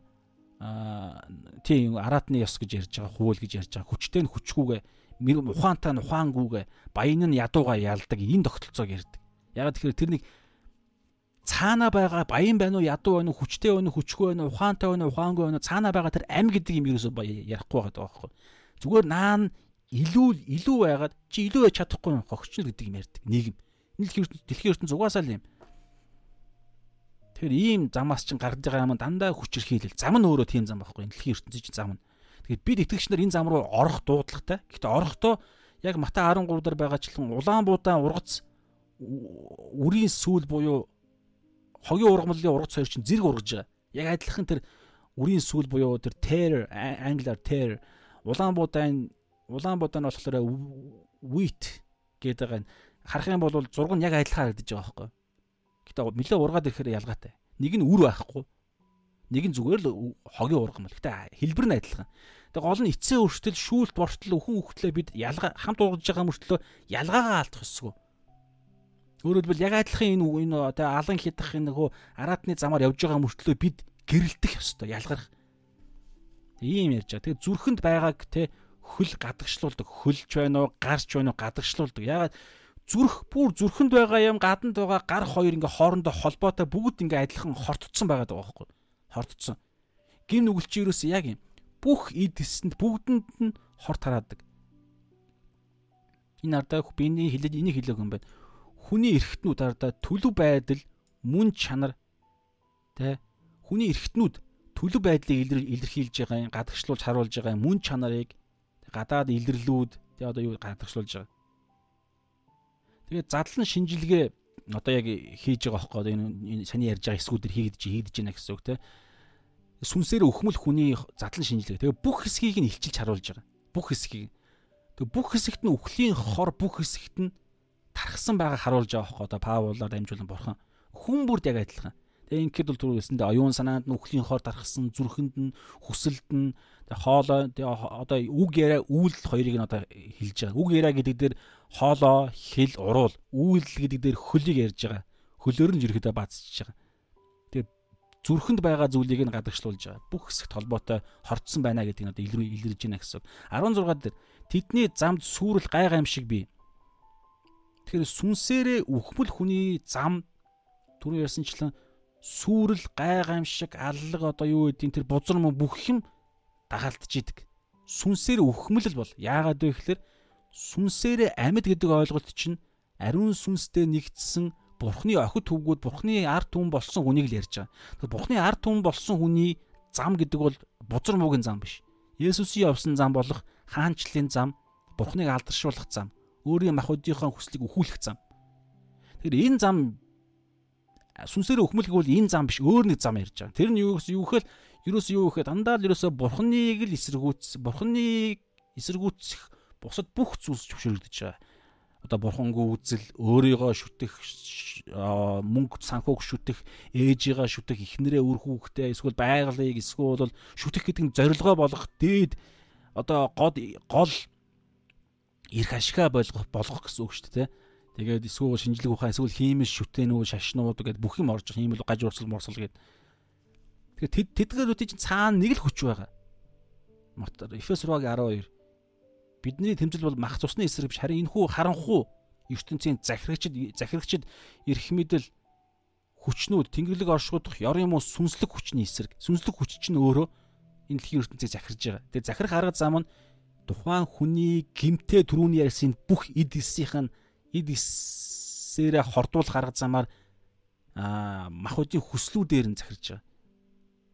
Тийм учраас Лук 9:23 дээр өдөр бүр өөрийгөө үгүйсгээд загалмайгаа буюу Есүс Бурхныг алдаршуулах буюу бусдын авралын төлөө Есүсийг Бурхан Аавыг алдаршуулах нэг гартаа нөгөө гартаа өөрийгөө үгүйсгэх гэдэг энэ хоёр зүйлийг чинь итгэгч нар дагалдагч нар барай явдаг юм ярьдаг шүү дээ. Ингэж явдаг хүн л аврагдсан хүний амьдрал. Ингэж явдаг хүн л замд нь сүрэл байхгүй. Сүрэл гамшиг таарлахгүй. Ягаад тэгэхээр өөрийгөө үгүйсгээд оронд нь бурхан аавын хүслийг оруулсан. Бурхан аавтай холбогдсон гэсэн.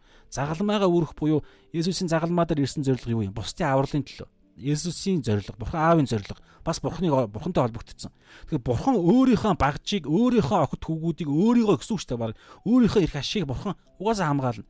Тэгэд ирэхээр сүрэл эрэхдахгүй, гамшиг эрэхдахгүй. Хэрв ямар нэгэн байдлаар гамшиг мэд харагдах юм гарч ирдэг. Тэгээд ирэхээр Мата 5 дугаар бүлэг, а Ром 5 дугаар бүлэг зовлонтойтой хүртэл баярлдаг. Учир нь зовлон зүдгүүр нь төвчээрийг, төвчээр нь төвчдөг зан чанарыг төвчдөг зан чанар нь дуулуурт а төвчээр нь юу лээ зовлон зүдгүүр нь төвчээрийг төвчээр нь туршлагатай байлаг туршлагатай байлаг найдварыг найдвар нь урам хугалдаггүй. Зовлон зүдгүүр нь төвчээрийг төвчээр нь төвчдөг туршлагатай байдлыг туршлагатай зан чанар нь найдварыг төрүүлдэг. Тэгэхээр энэ найдвар найдварын төлөө зарим зовлон зөвшөөрдөг. Гэхдээ энэ нь хэрээс хитэрсэн байдлаар оруулдаг. Бас ром дээр байгаа тий. Та нарыг хэрээс чи хитэрсэн байдлаар сордөггүй. Сорилттой хамт гарах гарцыг өгдөг. Энэ гим нүглийн сорилт биш, итгэлийн сорилтыг ярьж байгаа.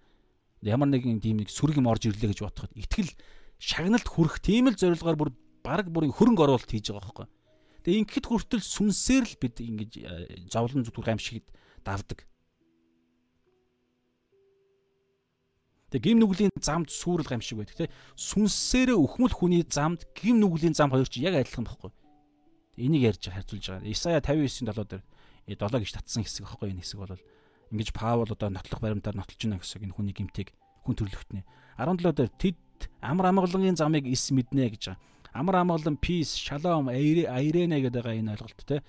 Тэгэхээр ерөнхийдөө бол амар тайваг нь айрэнэ, shalom, peace, mis гэдэг байгаа энэ ойлголт юу ярьж байгаа гэхээр мэдээж дайн дажингууд зөрчилдөөнгөө нэг юм бүрэн аюулгүй байдал амар тайван байдлыг мэдрэмжийн төвшөнд ярьж байгаа бас бүрэн бүтэн байдлыг ярьж байгаа. Бүрэн бүтэн байдал бид нар үтсэн шүү дээ. Үгийнх нь өөрийнх нь цаад цөм утх нь бүрэн бүтэн байдал. Тэгэхээр Ром дээр ч гисэн байгаа. Ром 5 дээр байна да. 7 за эдээ ямар ч байсан Ром нэг бүлгийнх нь ихэнд байгаа байхгүй. Галатер ч үлээ. Бурхан бид нарыг эвлэрүүлсэн Есүс Христээр Есүс Христээр дамжуулан биш Есүс Христээр дамжуулан Бурхан Есүс Христ бид нарыг Бурхантай эвлэрүүлсэн гэсэн санаа байгаа. Эвлэрүүлсэн буюу тэр эвлэрэх гэдэг чинь peace, irene гэдэг ойлголт чинь. Үг нь тийм үг гэдэг байхгүй. Тэгэхээр Бурхан бид нарыг Есүсээр дамжуулан Бурхан биднийг өөртөөгөө эвлэрүүлсэн, бүрэн бүтэн болгосон. Сүнс, сэтгэл нь бүрэн бүтэн, махбод нь ч гэсэн бүрэн бүтэн, зүрх сэтгэл нь бүрэн бүтэн, сүнс нь бүрэн бүтэн, ариун сүнстэйгээ нэгдсэн. Ариун сүнс чинь мөнхөд бидний сүнс болох юм ярьж байгаа шүү дээ. Йох 14-ийн 16 дээр бол энэ энэ туслагч та нартай хамт үүрт хамт байна. Тэр үүрт мөнхийн мөнхийн ам багхгүй ариун сүнс ч өөрөө. Тэр мөнхийн ам бид нартэй орж орж бидний сүнсэнд орж ирж нутгална гэдэг чинь бүрэн бүтэн байдал шалом аярена гэдэг чинь тэр. Тэр ийм ойлголт ерөөсөө тэд нар байхгүй. Зам нь тийм байхгүй. Ягаад тэгэхээр угаас гин нүглийнхаа замаар явж байгаа, гин нүглөө зорилгоо болгоо, эзнээ болгоо явж байгаа юм шүү дээ. Хувийнхаа эрх ашигыг гимшил байхгүй гимшээг учраас угуучлал ярихдаггүй. Дотор нь ямар ч амар тайван өөрсдийнх нь дотор бодит байдлаар ч гэсэн ямар ч амар тайван мэдрэмж байхгүй. Дандаа санаа зовол дандаа шаналл, зовлон, буруутгал, ял хардалт, үзен ядалт тэгээ одоо өрсөлдөөн бүх юм яв дагалдж байгаа. А итгэж хүмүүсүүдэд энэ бол байдаг Харин ариусгалын процесс гэдэг энэ sanctification гэж ярьж байгаа зөв төгснөөс хойш процесс буюу ариун зүрхээ ариун сүнсээр дүүргэх, оюун санаагаа ариун сүнсээр шинчлэх энэ үйл явдал донд эдгээр ойлголтууд байхгүй болж ирнэ. Тэгэхээр сүнслэг амар тайван бол аль хэзээ бий болцсон байдаг. Би сая бол оюун санааны төвшөнд ярьж байгаа шүү. Магадгүй цаг нь болохоор мах өдийн төвшөнд хүртэл зарим нэгэн одоо юу гэдгийг мах өдний өвчин өвчин хүртэл эдгэрэх процесс хүртэл явагддээ шүү дээ. Яг сэтгэл нь ингээд тайвшраа сэтгэл нь тэгээ одоо эрүүл болоод ирэхээр бодол санаа нь эрүүл болно. Бодол санаа нь эрүүл болохоор бодол санаа нь сэтгэлийн стресс, депрессээс болж исэн өвчин хүртэл алга болно. Дээр нь нэмээд угаасаа эзэн тухайн амьдралын хэв маяг нь хүртэл эрүүл болдог. Хэрэглээ нь хүртэл эрүүл болж ирнэ. Угаасаа мэрэгэн ухаан нүдэн нэгдэд ирэхээр зарим нэг те одоо юу гэдэг дом мон зарим нэг хүлээс үдээсээ хүртэл салгадаж ирээд те эрүүл хоол одоо юу гэдэг янз бүрийн ойлголтуудаас архинасаа гарan тамхинасаа гарan ч гэдэг юм уу эдс ингээ ариусгалын процесс мэдээж энэ хугацаа нь удаашралтай янз бүрийн байдлаар явагдах байх. Ямар ч үсэн энэ зүйл ингээ яваандаа болдог. За 10 ингээд ингээд ерөнхийдөө болж байгаа. Энэ Исая 59:8, Лук 1-ийн 79-оор энэ саний иш таталт явагдаж байгаа. Тэгээ энэ дээр нэг юм Стив Лосон доктор нэг юм ярьж байгаа. Амар тайван байдаггүй итгэж биш хүмүүсүүд те дотор нь амар тайван байхгүй те бүх юм ингээ бузар муутай нэгдсэн нэгдэл яригдчихэж байгаа. Тэгээ Стив Лосон доктор нэг ийм асуулт тавьж байгаа байхгүй. Ийм хүнтэй та гэрлэн гэж юу гэд эрчүүдийн судалж штэ. Тэгээ бүгд инээлдэд нэг юм ярьж байгаа. За би газ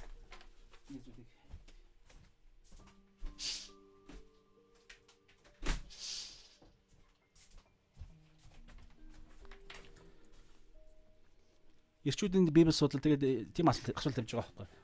Гаднаа ямар ч сайхан үзэсгэлэнтэй байж болно. Тэгээд 50 50 50-наас гараад бүгд ер нь адилхан болдсон шүү дээ гэж ярьж байгаа. Стил Лосон доктор. Бүгд инээлдэл.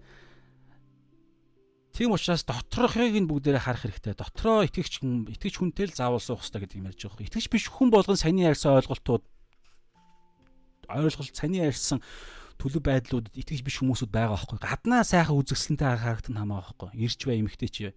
Гаднаа сайхан баян байх нь хамаа байхгүй. Гаднаа би хаан сайхан байх нь хамаа байхгүй. Хүн чинь зөвхөн махбод биш шүү дээ. Сэтгэл сүнс. Тэгэхээр сүнс нь асуудалтай дутуу өхмөл байвал сатан тэнд ноёрхож байгаа. Сэтгэл нь хорон муу хуваа хичээх байдал те одоо аллага энэ хуваа хичээх үзэн ядал идгээ зүйлсээ дүүрэн хүмүүс байхгүй хүн болго ийм гэж байгаа шүү энэ факт илрүүлэхгүй бай, ил гарахгүй байж болно. Гэтэ дамаа гэрэлчих юм бол насан туршдаа хамт амьдрах юм бол угаасаа ил гарна. Тэгэхээр ийм хүнтэй гаднах байдлаас нь болж битгий гэрлээрэ гэж яаж байгаа. Нөгөө амьдын там болно гэдэг чинь үнэн шүү дээ. За тийм ярьсан. За тэгээ бүгдээ дүгнэлт нь хамгийн 18 дээр нүд ирж байгаа. Бурхнаас имээх хүн тэдний нүдэнд үгүй. За энэ бол дуулал 36-гийн 1-ээс иш татсан хэсэг. Тэгэхээр Энэ иштэй саяны ясын бүх гим нүглийн одоо энэ завхрал гэсэн энэ гим нүгэл завхралын суур шалтгааныг нь хэлж байгаа. Суур шалтгаан. За нэг ишлэгийг бүгдээр харъя л да.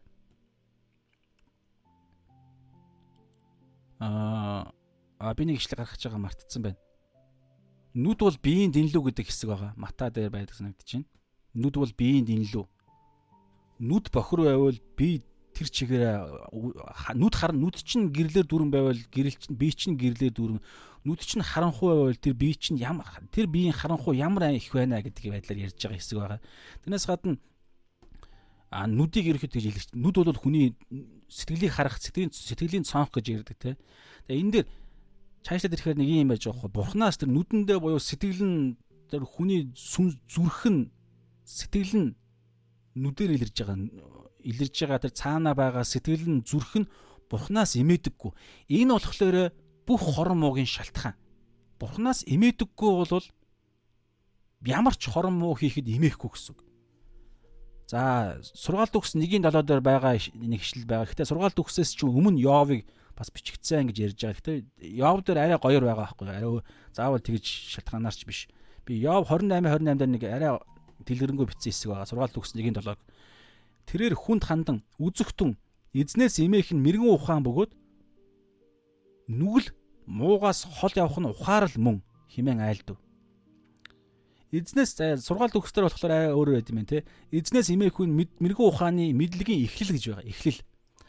За эзнээс имээх хүн мэрэгэн ухаан бас мэдлэгийн эхлэл. Нүгэл муугаас хорон муугаас хол явах нь ухаарл.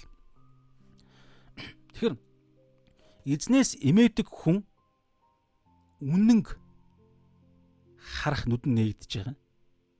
Үнэнг хардаг хүн тухайн үнэн үнэнг харж байгаа нүдэрээ хорон мууг харж байгаа байхгүй. Хорон мууг өөрийнхөө дотор байгаа хорон мууг альва зам хорон муугийн замаач холж харна. Тэгэд ирэхээр хорон муугаас хол явдаг. Хорон муугаас хол явах боломжтой. Ингээд ирэхээр эргээд энэ нь ийм эргэлт шиг улам илүү ухаарал улам их илүү мэрэгэн ухаанд сургаж байгаа байхгүй. Тэгэхээр энэ болгоныг энэ нэг гайхалтай энэ мэдлэгийн тойргийг энэ нэг юм байнгын энэ нэг юм цус сэлбэх процессыг эхлүүлэх гол юм чинь эзнээс имэх гэдэг ойлголт. Бурханаас имэх Бурхныг алдаршуулах гэдэг хоёр ойлголт уусаа яг нэг зоосны хоёр тал. Бурханаас имээдэг хүн Бурхныг алдаршуул. Яагаад имэж байгаа юм? Бурхан ямар гайхалтай хүч чадалтай гэдгийг нь ойлгосон хүн имээ штэ шудраг одоо тэ ямар гайхалтай хүч чадалтай гэдэг. Ингээд ирэхээр бурхныг бас алдаршуулна. Харин эдгээр хүмүүсүүд бүх хүн төрлөختөн Есүс итгэхээс өмнө бол яаж байгаа гэхээр Бурханаас имээдэггүй, Бурханыг алдаршуулдаггүй тийм сэтэл хандлага хандлагатай байгаад байгаа байхгүй. Тэгэхээр Бурханаас имээх болон Бурханыг алдаршуулах сэтэл а энэ хандлага хэрэг байвал саяны цоо шин амьдралын тойрог эхэлж байгаа ерөөдөө бол. Тэгэд гмийн шийтгэл гмийн шийтгэл бурхны уур хилэн гэдэг энэ өнөөдөр бид үзэж дуусж байгаа энэ нэг том бүлгийг хэрүүхэн ойлгол бурхнаас имээдэг. Имээдэг. Итгэгч хүн тэр тусмаа бурхнаас хамгийн сайнаар имээх бүр мөн төрлөх мөн чанар нь дахин төрсөн мөн чанар нь өөрөө бурхнаас имээдэг мөн чанартай. Бурхнаа Бурханаас имээдэг, Бурханыг алдаршуулдаг, Бурханаас бүх юмаа Бурханаас хамааралтай. Тэр утгаараа Бурханаас имээх нь мэрэгүү ухаан орж ирээд, мэдлэг орж ирээд тэгээ тэр мэрэгүү ухаан мэдлэгээ дагаад хорон муугаас хол явдаг. Хорон муугаас хол яваад ирэхээр дахиад хорон муугаас хол байгаа тэр төлөв зам нь хүртэл дахиад ухаарал даваачдаг. Ингээд ирэхээр улам илүүгээр эзнээс имээдэг, улам илүүгээр эзнийг алдаршуулдаг. Энэ нэг юм цус сэлбэлт энэ амьдралын тойрогч нь эхэлж байгаа гэсэн санаа. За ингээд ерөнхийдөө бол энэ юу болчихж байгаа юм. Эхний одоо энэ хоёр дахь ял тулгалт ял тулгасныхаа одоо Паулаа дамжуулан бурхан өөрөө хуучин гэрээний бүлэг ишлүүдээр нотолчихж байгаа юм. За одоо хамгийн сүүлд нь ялын тогтоолыг уншаад өндөрлөн. За 19-с 20 дээр байгаа байхгүй юу? Тэгэхээр 19-ийг 29 19-с 20-ыг нь би ихлэ уншичаа тэгээд нэг жоохон тайлбарлаа өндөрлөе. За энэ дэлгэцэн дээр цаг жоохон удаан яваад байгаа. Яг бодит байдал дээр 1 цаг 20 23 минутаас илүү явж байгаа хөө 2 цаг болцсон байх айгуул гарцсан жиж магадгүй. За 19-с 20 дээр бүгдээрээ одоо хамгийн сүүлийн ялын тогтоолыг уншаад там алах зохигдоо тэгээд дуусаа. Шорон руугаа цаазын ялыг цаазын ял цаазынхаа өдрийг хүлээхээр шорондоо хоригдохоор явах хэвээр. За энэ ингэж явуулах яг өмнөх одоо ялын тогтоолыг уншаад шүүх хурлын шүүгч тамга алхаа зохих гэж байна. Хүн болгонд яг энэ процесс явагдаж байгаа. Хүн болгон цаазын ялтай. За бүгдээр 19-с Ром 3:19-с хуулийн хилж байгаа болгоно нь хуулийн дор байгсад хандан ярьдгийг бид мэднэ. Ингэснээр ам болгон таглагдж ертөнц даяараа бурхны өмнө буруутгагдах болно. Учир нь ямар ч махбод хуулийн үйлсээр түүний өмнө зөвтгөгдөхгүй буруутгадана гэсэн. Хууль нь нүглийг мэдүүлэх юм а. Тэгэхээр хуулиа дамжуулан нүгэлтэйг нь мэдүүлээ. Тэгээд нүгэлтэйг нь мэдсэн учраас ялын тогтоол нь уншигдаад тэгээд үхэл рүүгээ явах хэрэгтэй цаазл руугаа цаазын өдрөө рүүгээ цаазлуулаарай гэл аимшигтэй гэм нүглүүлсэн учраас хүн болгон за иймэрхүү юм яриад ерөнхийдөө бол бодиттой муу мэдээ ингээд дуусч байгаа. Тэгээд 21-ээс эхлээд сайн мэдээ бурхан энэ бузар муугийн энэ эсрэг бурхан ямар хариу үйлдэл хийж байгаа нь одоо дараагийн хэсгээс бид нар үзнэ гэсэн. За энэ дэр 19 дэр ингэж байна. Хуулийн хилж байгаа болгоно хуулийн дор байгсад хандан ярьдгийг бид мэднэ гэж байгаа. За энэ дэр хууль гэж байгаа нь ямар хууль хэлж байгаа вэ гэхээр угаасаа Мосегийн хуулийг хэлж байгаа 5 ном тоороо бас түүн хэлсэн Мосегийн 5 номдор суурлагдсан хуучин гэрээж гэсэн тэр чигээрээ бүгд бүгдийг нь хэлж байгаа. Тэгээ энэ юу юу юу энэ юу вэ гэхээр бурхны илчлэлт бурхны талаарх бурхны ямар ариун бурхны ямар ямар хүсэлтэй вэ гэдгийг хүсэл нь юу вэ гэдгийг те а бурхны зам те тэр бүх зүйлсийг одоо илчилж илчилсэх илчлэх ерөнхий илчлэлт тахгүй энэ хуучин гэрээ 39 ном Мосегийн 5 ном чинь. Тэгээ Мосегийн хуулийг ерөнхийдөө хуучин гэрээний хуулийг ярьж байна гэсэн. Тэгэхээр хуулийн энэ хуучин гэрээний хуулийн хилж байгаа болгоно нь хуулийн дор байгсад хандан ярьдаг бид мэднэ. Хуулийн дор байгсад. Хуулийн дор байгсад гэдэг нь хэнийг хэлж байгаа? Юдэчүүдийг хэлж байгаа. Юдэчүүдийг. Юдэчүүд хуулийн юудэчүүдэд л зөвхөн хууль өгөгдсөн шүү дээ. Тэгэхээр эндээс дараагийн асуулт гарч ирдэг. За тэрнээс наан биний зүйл өгсөн юм. Хуулийн хилж байгаа энэ хилж байгаа болгоно гэдэг түрүүний энэ 10-аас 18 дахь ишлэл орж орж ирж байгаа шүү энэ. Яг өмнөх хамсал дээр бол саяны ярьсан баахантай нүдэрээ тэгдэг ингэдэг тэгдэг те хил нь хорон муугаар дүүрэн те одоо уруул нь хорт юу хороор могоо хороор дүүрэн байдаг байдаг. Энэ бүх зүйл чинь юдэчүүд хандаж хэлж байгаа. За би нэг зүйлд хүрэх гээд байгаа шүү. Юдэчүүдийг буруутгаж байгаа хэсэг байхгүй юу? Юдэчүүдийг. Гэхдээ ингэж хэлснээрээ ертөнцийг буруутгах нь одоо. Одоо би тэрийг Паулын хэлэх гээд байгаа санаа танд болцсон. Тэгэхээр эндээс юм асуулт гарч ирж байгаа. хуулийн хэлж байгаа болгоно нь буруутгаж байгаа тэх ёстой ойнх ёстой. Тэгсэн чинь тэгж чадаагүй. Тэгвэл өгөх ёстой мостой гэдэг нь юдэчүүдэд хандаж ярьж байгаа. Ягаад тэгэхээр хуулийн хэлж байгаа болгоно нь хуулийн дор байгстад хандан ярьдаг. Хуулийн дор. Тэгэхээр хуулийн дор юдэчүүд байгаа. Тэгэхээр тэгсэн мөртлөө ингэж байгаа. Ингэснээр юдэчүүдийг буруутгах юм арга замаар ингэснээр ам болгон таглагдж хүн хүн хүн төрлөختний ам болгон хүн болгоны ам таглагдж ертөнц даяараа бурхны юм буруутгах юм а. Тэгэхээр хуучин гэрээндээ юдэчүүдийг бурхан сонгож байгаа нь зүгээр төлөөлөл болгож байгаа байхгүй төлөөлөл. Тэгээд хэрв Хэрв юдэчүүд бурхны онцгой ард түмэн хуультай бүр анханасаа үүслэн Авраамаас эхлээл манай эртний өмнө 2000-ад оны оноос эхлээл юдэчүүд үүсгэсээ эхлээл бурхны гараар бүтээгдсэн ард түмэн. Тэгсэн мөртлөө ийм онцгой ард түмэн хуулийг биелүүлж чадаагүй юм болвол харь үндэстнүүд, харь хүмүүсүүд яг адилхан бүр илүү дор гэсэн үг байхгүй. Илүү дор. Мэс чанарынхаа хуулийг хүртэл биелүүлж чаддаггүй шүү дээ. Түрүүн би баахан ярьсан тийм мэс чанарт нь мэс зүрхэнд нь байгаа хуулийг хүртэл биелүүлдэггүй. Гэтэл юдэчүүд зүрхэндх байгаа хуулийг хуулиас илүү бүр давуулж 610 за 10 хууль дээр суурлагдсан гэтэл 20 дээр байгаа 10 хууль дээр суурлагдсан 613 хууль хэдэрт өгөгдөж байгаа. Бүр илүү нарийн гэсэн үг. Илүү нарийн, илүү тодорхой бүр бүр үндсэн хууль нь болж орж ирж байгаа. Тэгээ тэгээд ахад тэд нар биелүүлж чадаагүй. Тэгээ бүр багаас нь 3 настайгаас нь байгаас эхлээд хүүхдийг хууль хуульд сургадаг тэгээ тэгээ чадаагүй. Гэтэл тийм юм бол харь үндэснүүд энэ ам болгон ертөнц болгон бурхны юм буруутгах нь тодорхой байхгүй. Хүн төрлөختний хамгийн агуу үндэстэн гэгдэж байгаа бүр анханасаа бурхнаар сонгогдсон ард түмэн чадаагүй бол бүр хуулийг нь өөртөө авсан хуулига бурхны хуулийг үндсэн хуулиа болгосон ард түмэн чадаагүй бол бусад үндэстэн чадахгүй тодорхой байхгүй. Ингиж ертөнцийг буруутгаж байгаа нь ингэж. Ингиж бурхан өөрөө ялынхаа тогтоолыг ингэж ийм арга замаар баталж байгаа. Бурханы уур хилэнгээс ч тэгэхээр харь хүмүүс ч гэсэн хуулийг биелүүлж чадахгүй бол хуулийн биелүүлж чадаагүйгийн төлөөс болох үхэл буюу бурхны уур хилэнгээс ч гэсэн зүхтааж чадахгүй гэсэн. Юдэчүүд ч бай, харь үндэстнүүд ч бай. За ийм ярьж байгаа. За тэгээд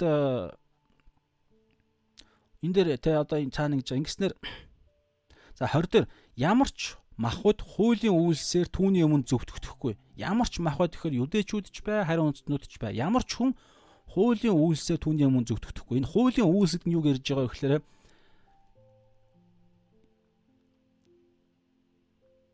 Ерөөсөл 613 хуулийг бүгдийг нь насан туршдаа нэгийг нь ч зөрчихгүй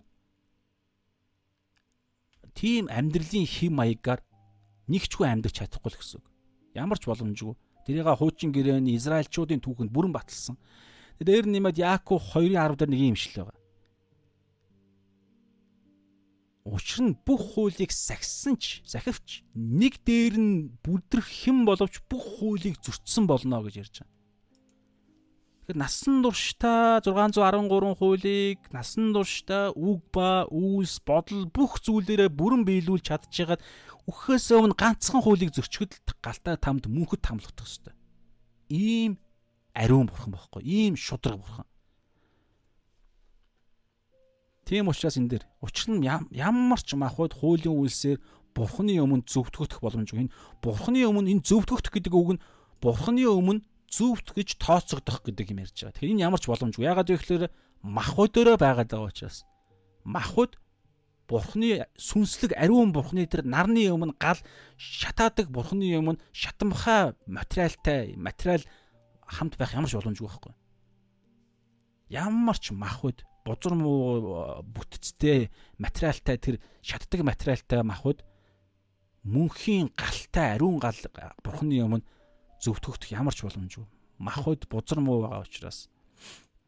Тэгээд ямар ч махуд хуулийн үсээ зөвтгөх боломжгүй. Хууль нь нүглийг мэдүүлэгч юмаа гэ өнөөдөр хэсэг өнгөрж байгаа. Өндөрлж байгаа. Тэгэхээр хуулийн хууль нь хуулийн зорилго нь нүглийг мэдүүлж илчлэх зорилготой. Өөрөөр хэлбэл хүн төрлөختнийг буруутгах зорилготой гэсэн буруутгах зорилготой. Гэхдээ буруутгах энэ үйл явдлаас өмнө буруу үйлдэл нь байдэн штэ. Шүүх хурал дээр ямар ч гимгүү хүнийг буруутгахгүй штэ. Ямар нэгэн баталгаа нотлох байранд байж. Тэгэхээр гим нүгэлтэй хүнийг л буруутгадаг шүүх хурал. Тэгэхээр хуульч нь аль хэзээ гимтэй өхөл рүүгээ явж байгаа хүнийг гимтэй гэдгийг л илчилж буруутгадаг. Ингиж илчснээрээ нөгөө хүн чинь гимээ хүлээн зөвшөөрөх, гимшүүлэх зорилготой байхгүй. Тийм учраас нэг юм ишлэл байгаа. Галаат 3:24 дээр А? Галат 3:24. Би буруу ишлээ. За би Галат 3:24 гаргая. Оо. За яг Галат 3:24 дээр хийж байгаа. Мм Тиймд бид итгэлээр зөвтгөгдөхийн тулд бидний хувьд хууль нь биднийг Христ рүү хандуулах зааварчилгаа болов гэж байгаа. Тэгэхээр хууль бид нарыг нүгэлтэй гэдгийг нь ойлгоод тэгээд Христ рүү хандуулж байгаа. Христэд итгэх итгэл рүү хандуулж байгаа. Ингэснээрээ зөвтгөгдөх. Өөртөө үйлдэж чадахгүй учраас Иесустэй нэгдэх байлаар зөвтгөгдөх. Үүнд л ямар хэрэгцээтэй вэ? Ингэх шаардлагатай гэдгийг нь гим нүглийг нь илчиж үхэл рүү явж байгаа цаазын ял уншаа цаазлуулах чагаа гэдгийг ойлгуулж иж нөгөө хүн чинь гимших гимшүүлэх зорилготой. Тэрнээс биш хуулийн зорилго бол шүү дээ те. Гимиг зөвтгөх, гимтнийг зөвтгөх тийм ямар чадвар байхгүй. Зүгээр л гимтэй гэдгийг нь илчлэх зорилготой. Гимтнийг зөвтгөх буюу гимтэй биш болох, гим гим үйлдүүлэхгүй тийм байдал хүргэх ямар чадвар байхгүй. Гим нүглийг илчлэх тусам тухайн хүн чинь угаасаа аа баг 20 20 юм улам хийдэг байхгүй ерөөдөө бол. За тэгээд бас нэг зорилго байгаа. За тэрнээс наан би нэг зүйлийг орхисон байна. Ингэж байгаа байхгүй? Түрүүн хуулийн үйлс гэдэг дээр 613 хууль дээр хуучин гэрээний дээр бүх хуулийг нь сахижиж зөвтгөх юм ярьж байгаа. Ямар ч махбод хуулийн үйлсээ зөвтгөхгүй. Тэгэхээр ямар ч махбод хуулийн үйлсийг бүрэн биелүүлж чадахгүй гэж байгаа. Тэгэхээр ямар хүн чадах вэ гэхэлэр зөвхөн ариун сүнсээр бүх хуулийг биелүүлж чадах ёстой гэж хууль шаарддаг. Тэгэхээр нэг ч махбод ингэж ингэх боломжгүй. Тэгээ ингээд яг түрүүн галат өө хөрхий. Прудент дартаа шүү. Ингээд түрүүний галат 2 дээр нэг ишил байгаа. Тэгэхээр галат 2:16 дээр Аа Ром түрүүн 3:20-ыг одоо яг адилхан байдлаар хэлж байгаа би уншаад байгаа. Галаад 2:16 ямар ч махад хуулийн үйлсээ зөвтгөхгүй гэдгийн ишлэл адилхан ишлэлийг уншаад байгаа.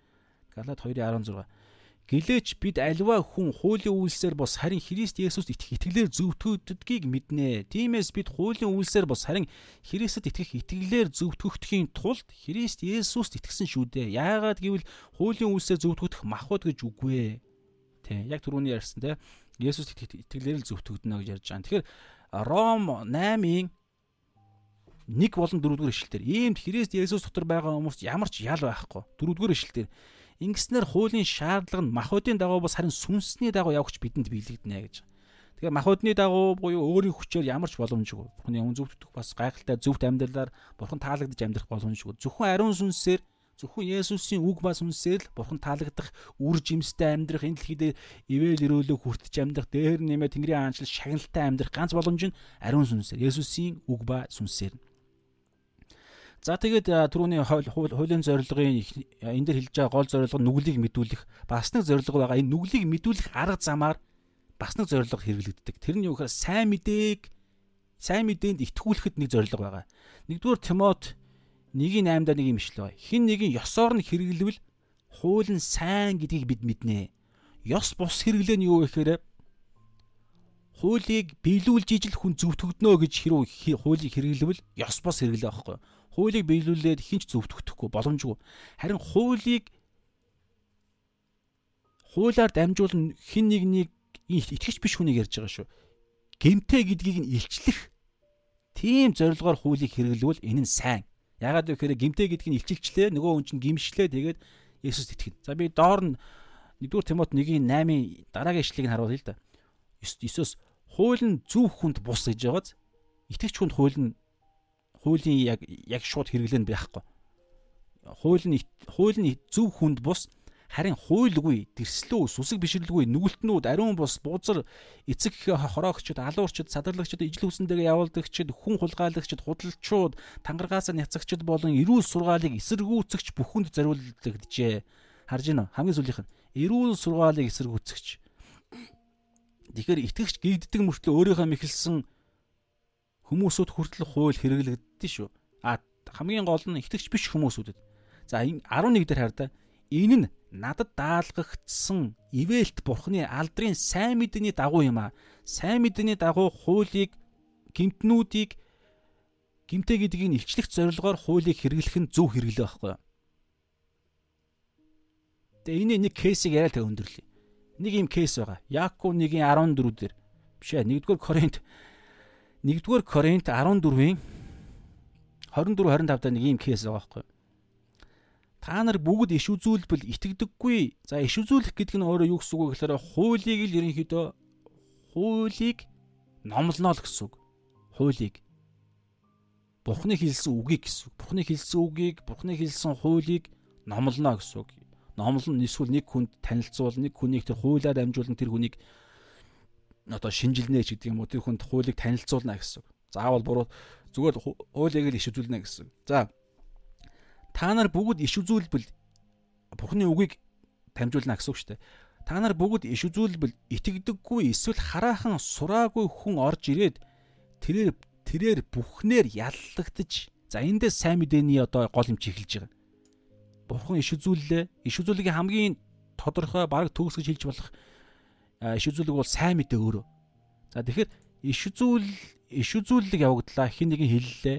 Тэнгүүт нь зүрхэн зөв зүрхтэй үнэн зүрхтэй хүн бол тухайн шизүүлгээ дамжуулан яллагдана. Энэ яг зөв авралын процесс байхгүй юу?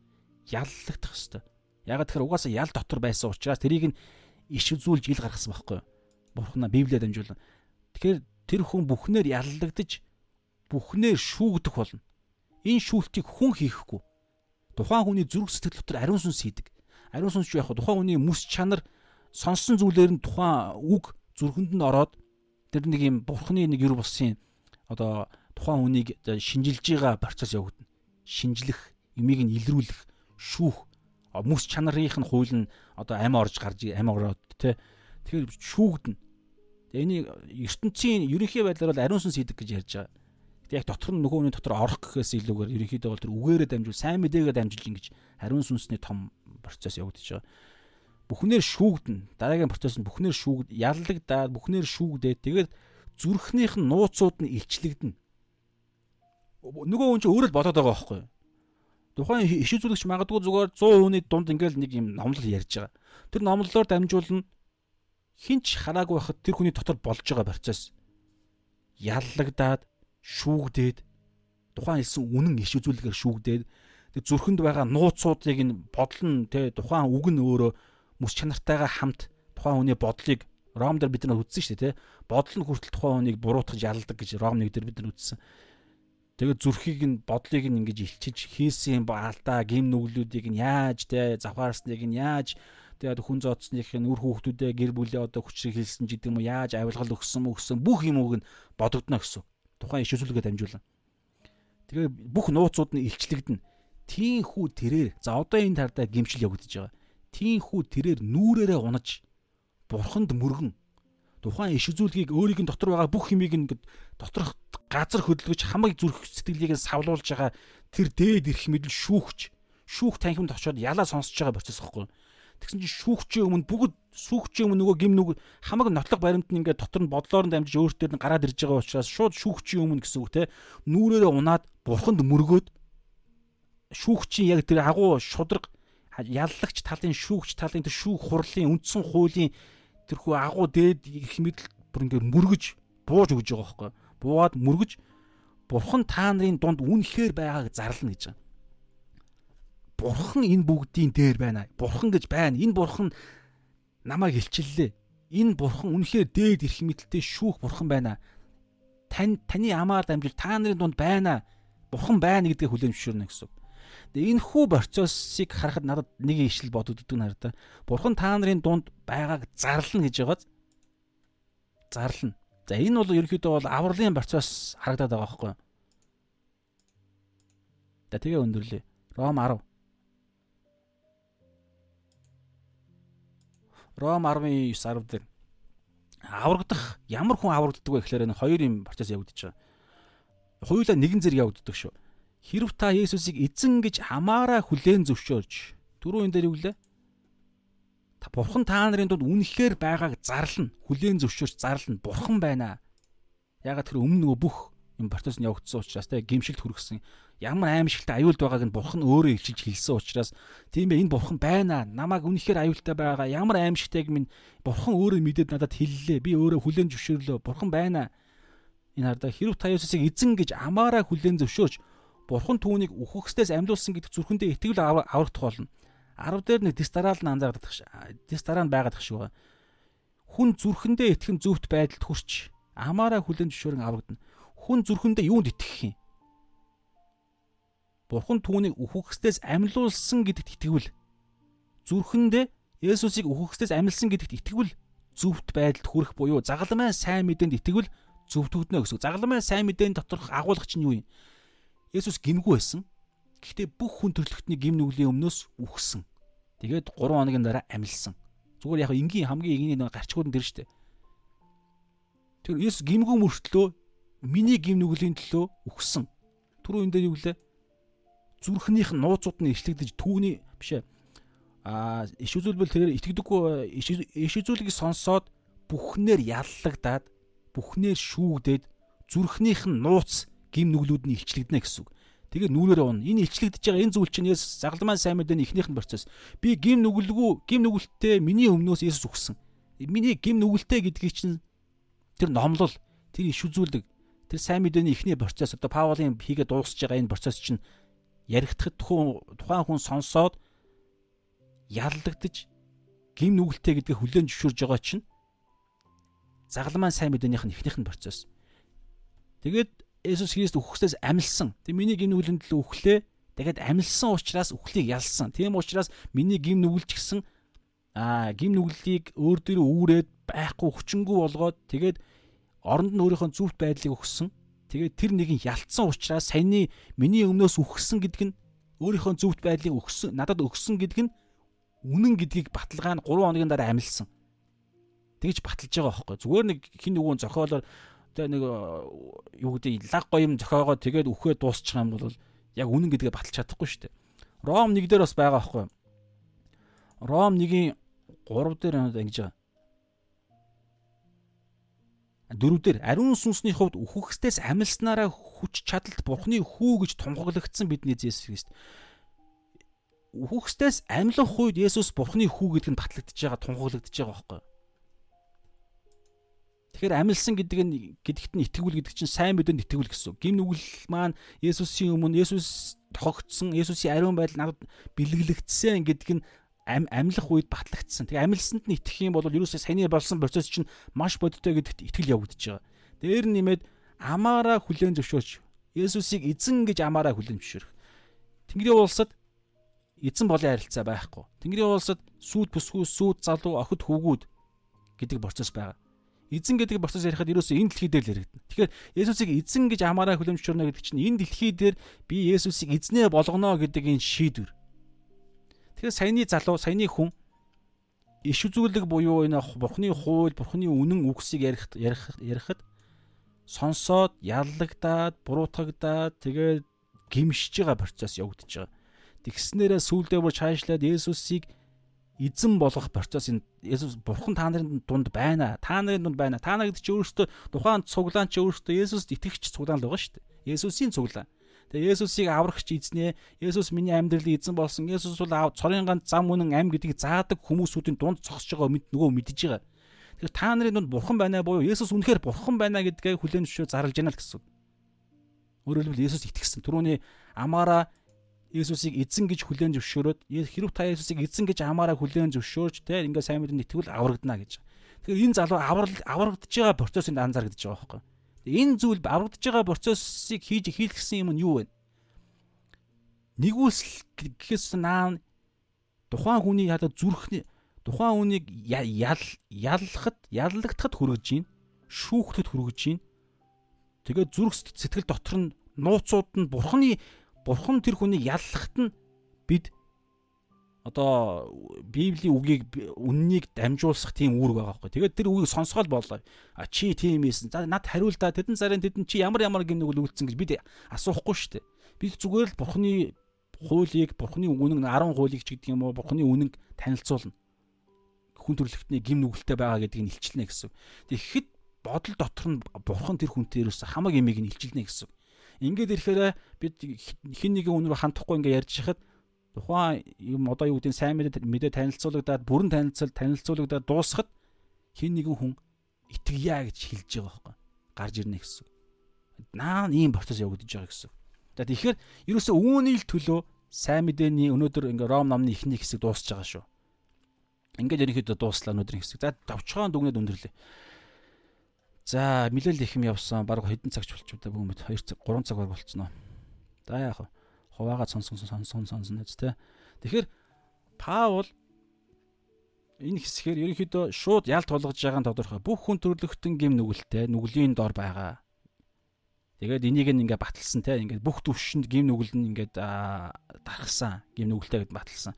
Тэгээд хуулийн хилж байгаа болгоно дээр хэлсэн бүх энэ ийм ийм гим нүглийг нь баталсан энэ хууль нь хуулийн хилж байгаа болгоно хуулийн дор байдаг хүмүүсүүд буюу юдэчүүдэд хандаж хэлсэн. Юдэчүүд буруутгагдж байгаа юм бол юдэчүүдээс бүр дор хуульч өгдөөгүй хүмүүсүүд бүгд буруутгагдана гэсэн. Нэг л гин нүгэлж хуулийг зөрчүүлэг басаа бүгд э, хуулийн өртөө гэж бид үздэн тэ. Тэгэхээр бүх хүмүүсүүд хуульд ертөнц даяараа бурхны юм буруутгагдж байгаа. Тэг ямар ч тэгээд бас нэг бүр дээр нь дахиад баталж байгаа. Бүр дахиад дахин дахин бүр даалхахыг зогсож байгаа байхгүй буруутаа гэдэг. Ямар ч махад хуулийн үйлсээр бурхны юм зөвтгөхгүй. Ягаад тэгэхээр угаасаа хуулийнх нь зорилго нь ч тэр биш. Хуулийнх нь зорилго нь нүглийг мэдүүлэгч буюу ямар гин нүгэлтэд өөхөх ёстой гэдгийг л мэдүүлэх зорилготой. Тэгээ ингээд ерөөсөө буруутгагдаал дуусч байгаа байхгүй. Ингээд алхаад зөгчөж байгаа. За ингээд өнөөдөр хэсэг дуусаа. Гэхдээ дараагийн хэсгээс за би 21 уншиж л та. Харин идүүгээ гэж эхэлж байгаа. Харин гэд нөгөө нэг эсрэг юм ярьж эхэлж байгаа. Харин идүүгээ буюу яг одоо ийм байхад Есүс Христээс эхлээд Есүс Христийн бий болгож байгаа энэ сайн мэдээ өөр зүйлийг бий болгож байгаа. За би уншиж 21 тэгээд өндөрлөө. Харин идүүгээ Бурхны зөв нь нөгөө Бурхны зөвхт байдал нь Бурхны зөвхт байдалтай нэгдсэн хүн л аврагдана. Бурхны зөвхт байдал дотор явдаг хүн л аврагдана. Тэгэхээр Бурхны зөвхт зөв нь хуулаас ангид илчлэгдэв. Хуулаас тусдаа хууль биш өөр нэг зүйл дээр илчлэгдэж байгаа. Үүнийг хууль ба иш үзүүлэгчид гэрчилсэн юм а. Хууль нь өөрөө угаасаа дөрөн Галат 5-ын Галат 3:24 дээр байлоо. Тэрэн дээр хэлсэнчлэн Есүс рүү чиглүүлж байгаа шүү дээ. Тэгэхээр одоо энэ чиглүүлэх процесс ч одоо ингээд өнөөдөр өндөрлөж байгаа. Гэхдээ энэ ингэж байгаа хамгийн гол зүйл нь гимтэй гэдгээ л ойлгох. За тэгээ залбираа өндөрлөө. Эзээ энэ цагийн төлөө талархъя тэгээд өнөөдрийн цагаад амжуулан хамт байсан хүмүүсүүдийг тав нэхээр өрөөж өгөөрэй. Гаргасан зориулалт цаг болгоныг эзэн та өөрийнхөө хаанчлалын төлөвлөгөөнд маш аа үнэхээр үр дүнтэй, үр жимс, үр болгож тэгээд бас өөрийнхөө ажиллах багжаа болгож та суулгаач бидний оюун санаанд. Тэгээд эзэн би өнөөдөр ойлгож ухаарсан зүйл маань бидний оюун санааны шинжилэлтэн тэр бодлын тогтолцоонд маш чухал хэсэг байлаа. Тэгээд эх 3 дахаас эхлээд бид нар бас одоо сайн мэдээний хэсэг рүү орох гэж байна. Тэгээд бид үргэлжлүүлэн 8 дугаар бүлийг дуусгал ерөнхийдөө бол ингээд том зургаараа явна. Тэгэхээр энэ хэсэг дээр эзэн та бидний үргэлжлүүлэн удирдаараа Есүс нэрээр аминь. За хамт ирсэн хүмүүстээ баярлалаа сайхан амраарэ. За хүмүүс ганц нэг битсэн байд уншаад тэгээ өндөрлөө. Амен баярлалаа. Маш их баярлалаа. Ийм хичээл явуулж өгч байгаад бурхан надад өөр бурхан надад өөрөө хилж өгч байгаа юм шиг байна. Харин тийм ээ. Мань мэтэн бол зүгээр л дороо нэг би бол өөрөө л баг өөрөө өөртөө цаг гаргаж байгаа нэг юм хэлбэр шахав байгаа байхгүй ойлгож ухаарсан юм хаваалцж байгаа. Тэгэхээр энэ цаана эзэн өөрөө угаасаа энэ ярьж байгаа. Стив Лосс ингээд докторч байгаа өөр олон би бас энэ нэрээ нэг гоё мэдээд болгоё. Нөгөө нэг ESV Bible авсан шүү дээ. Хүн надад Америкт байдаг нэг хүн надад ивэсэн.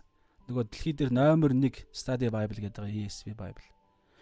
Тэгээ энэ мэндээс хараад олон юм их сурвалжуудаас авж байгаа учраас аа ерөнхийдөө найдвартай юм байгаа шүү. Яг бурхан өөрөө ярьж байгаа. Тэгээд инх мандал гэдэг хүн үзүүлээд үнэхээр хүч өгч байна, сүнсээр л явж байж бахан бие ялна гэж амийн. Ойлголоо сайн гимших хөстэй юм байна. За амийн амийн гэж бус хэлсэн хүмүүстээ баярлалаа. Сайхан амраа шалом. Маргааш та зөвхөн эзний сүнсээр хаанчлалын төлөө яваарай. Сайхан амраарай. Баяр таа.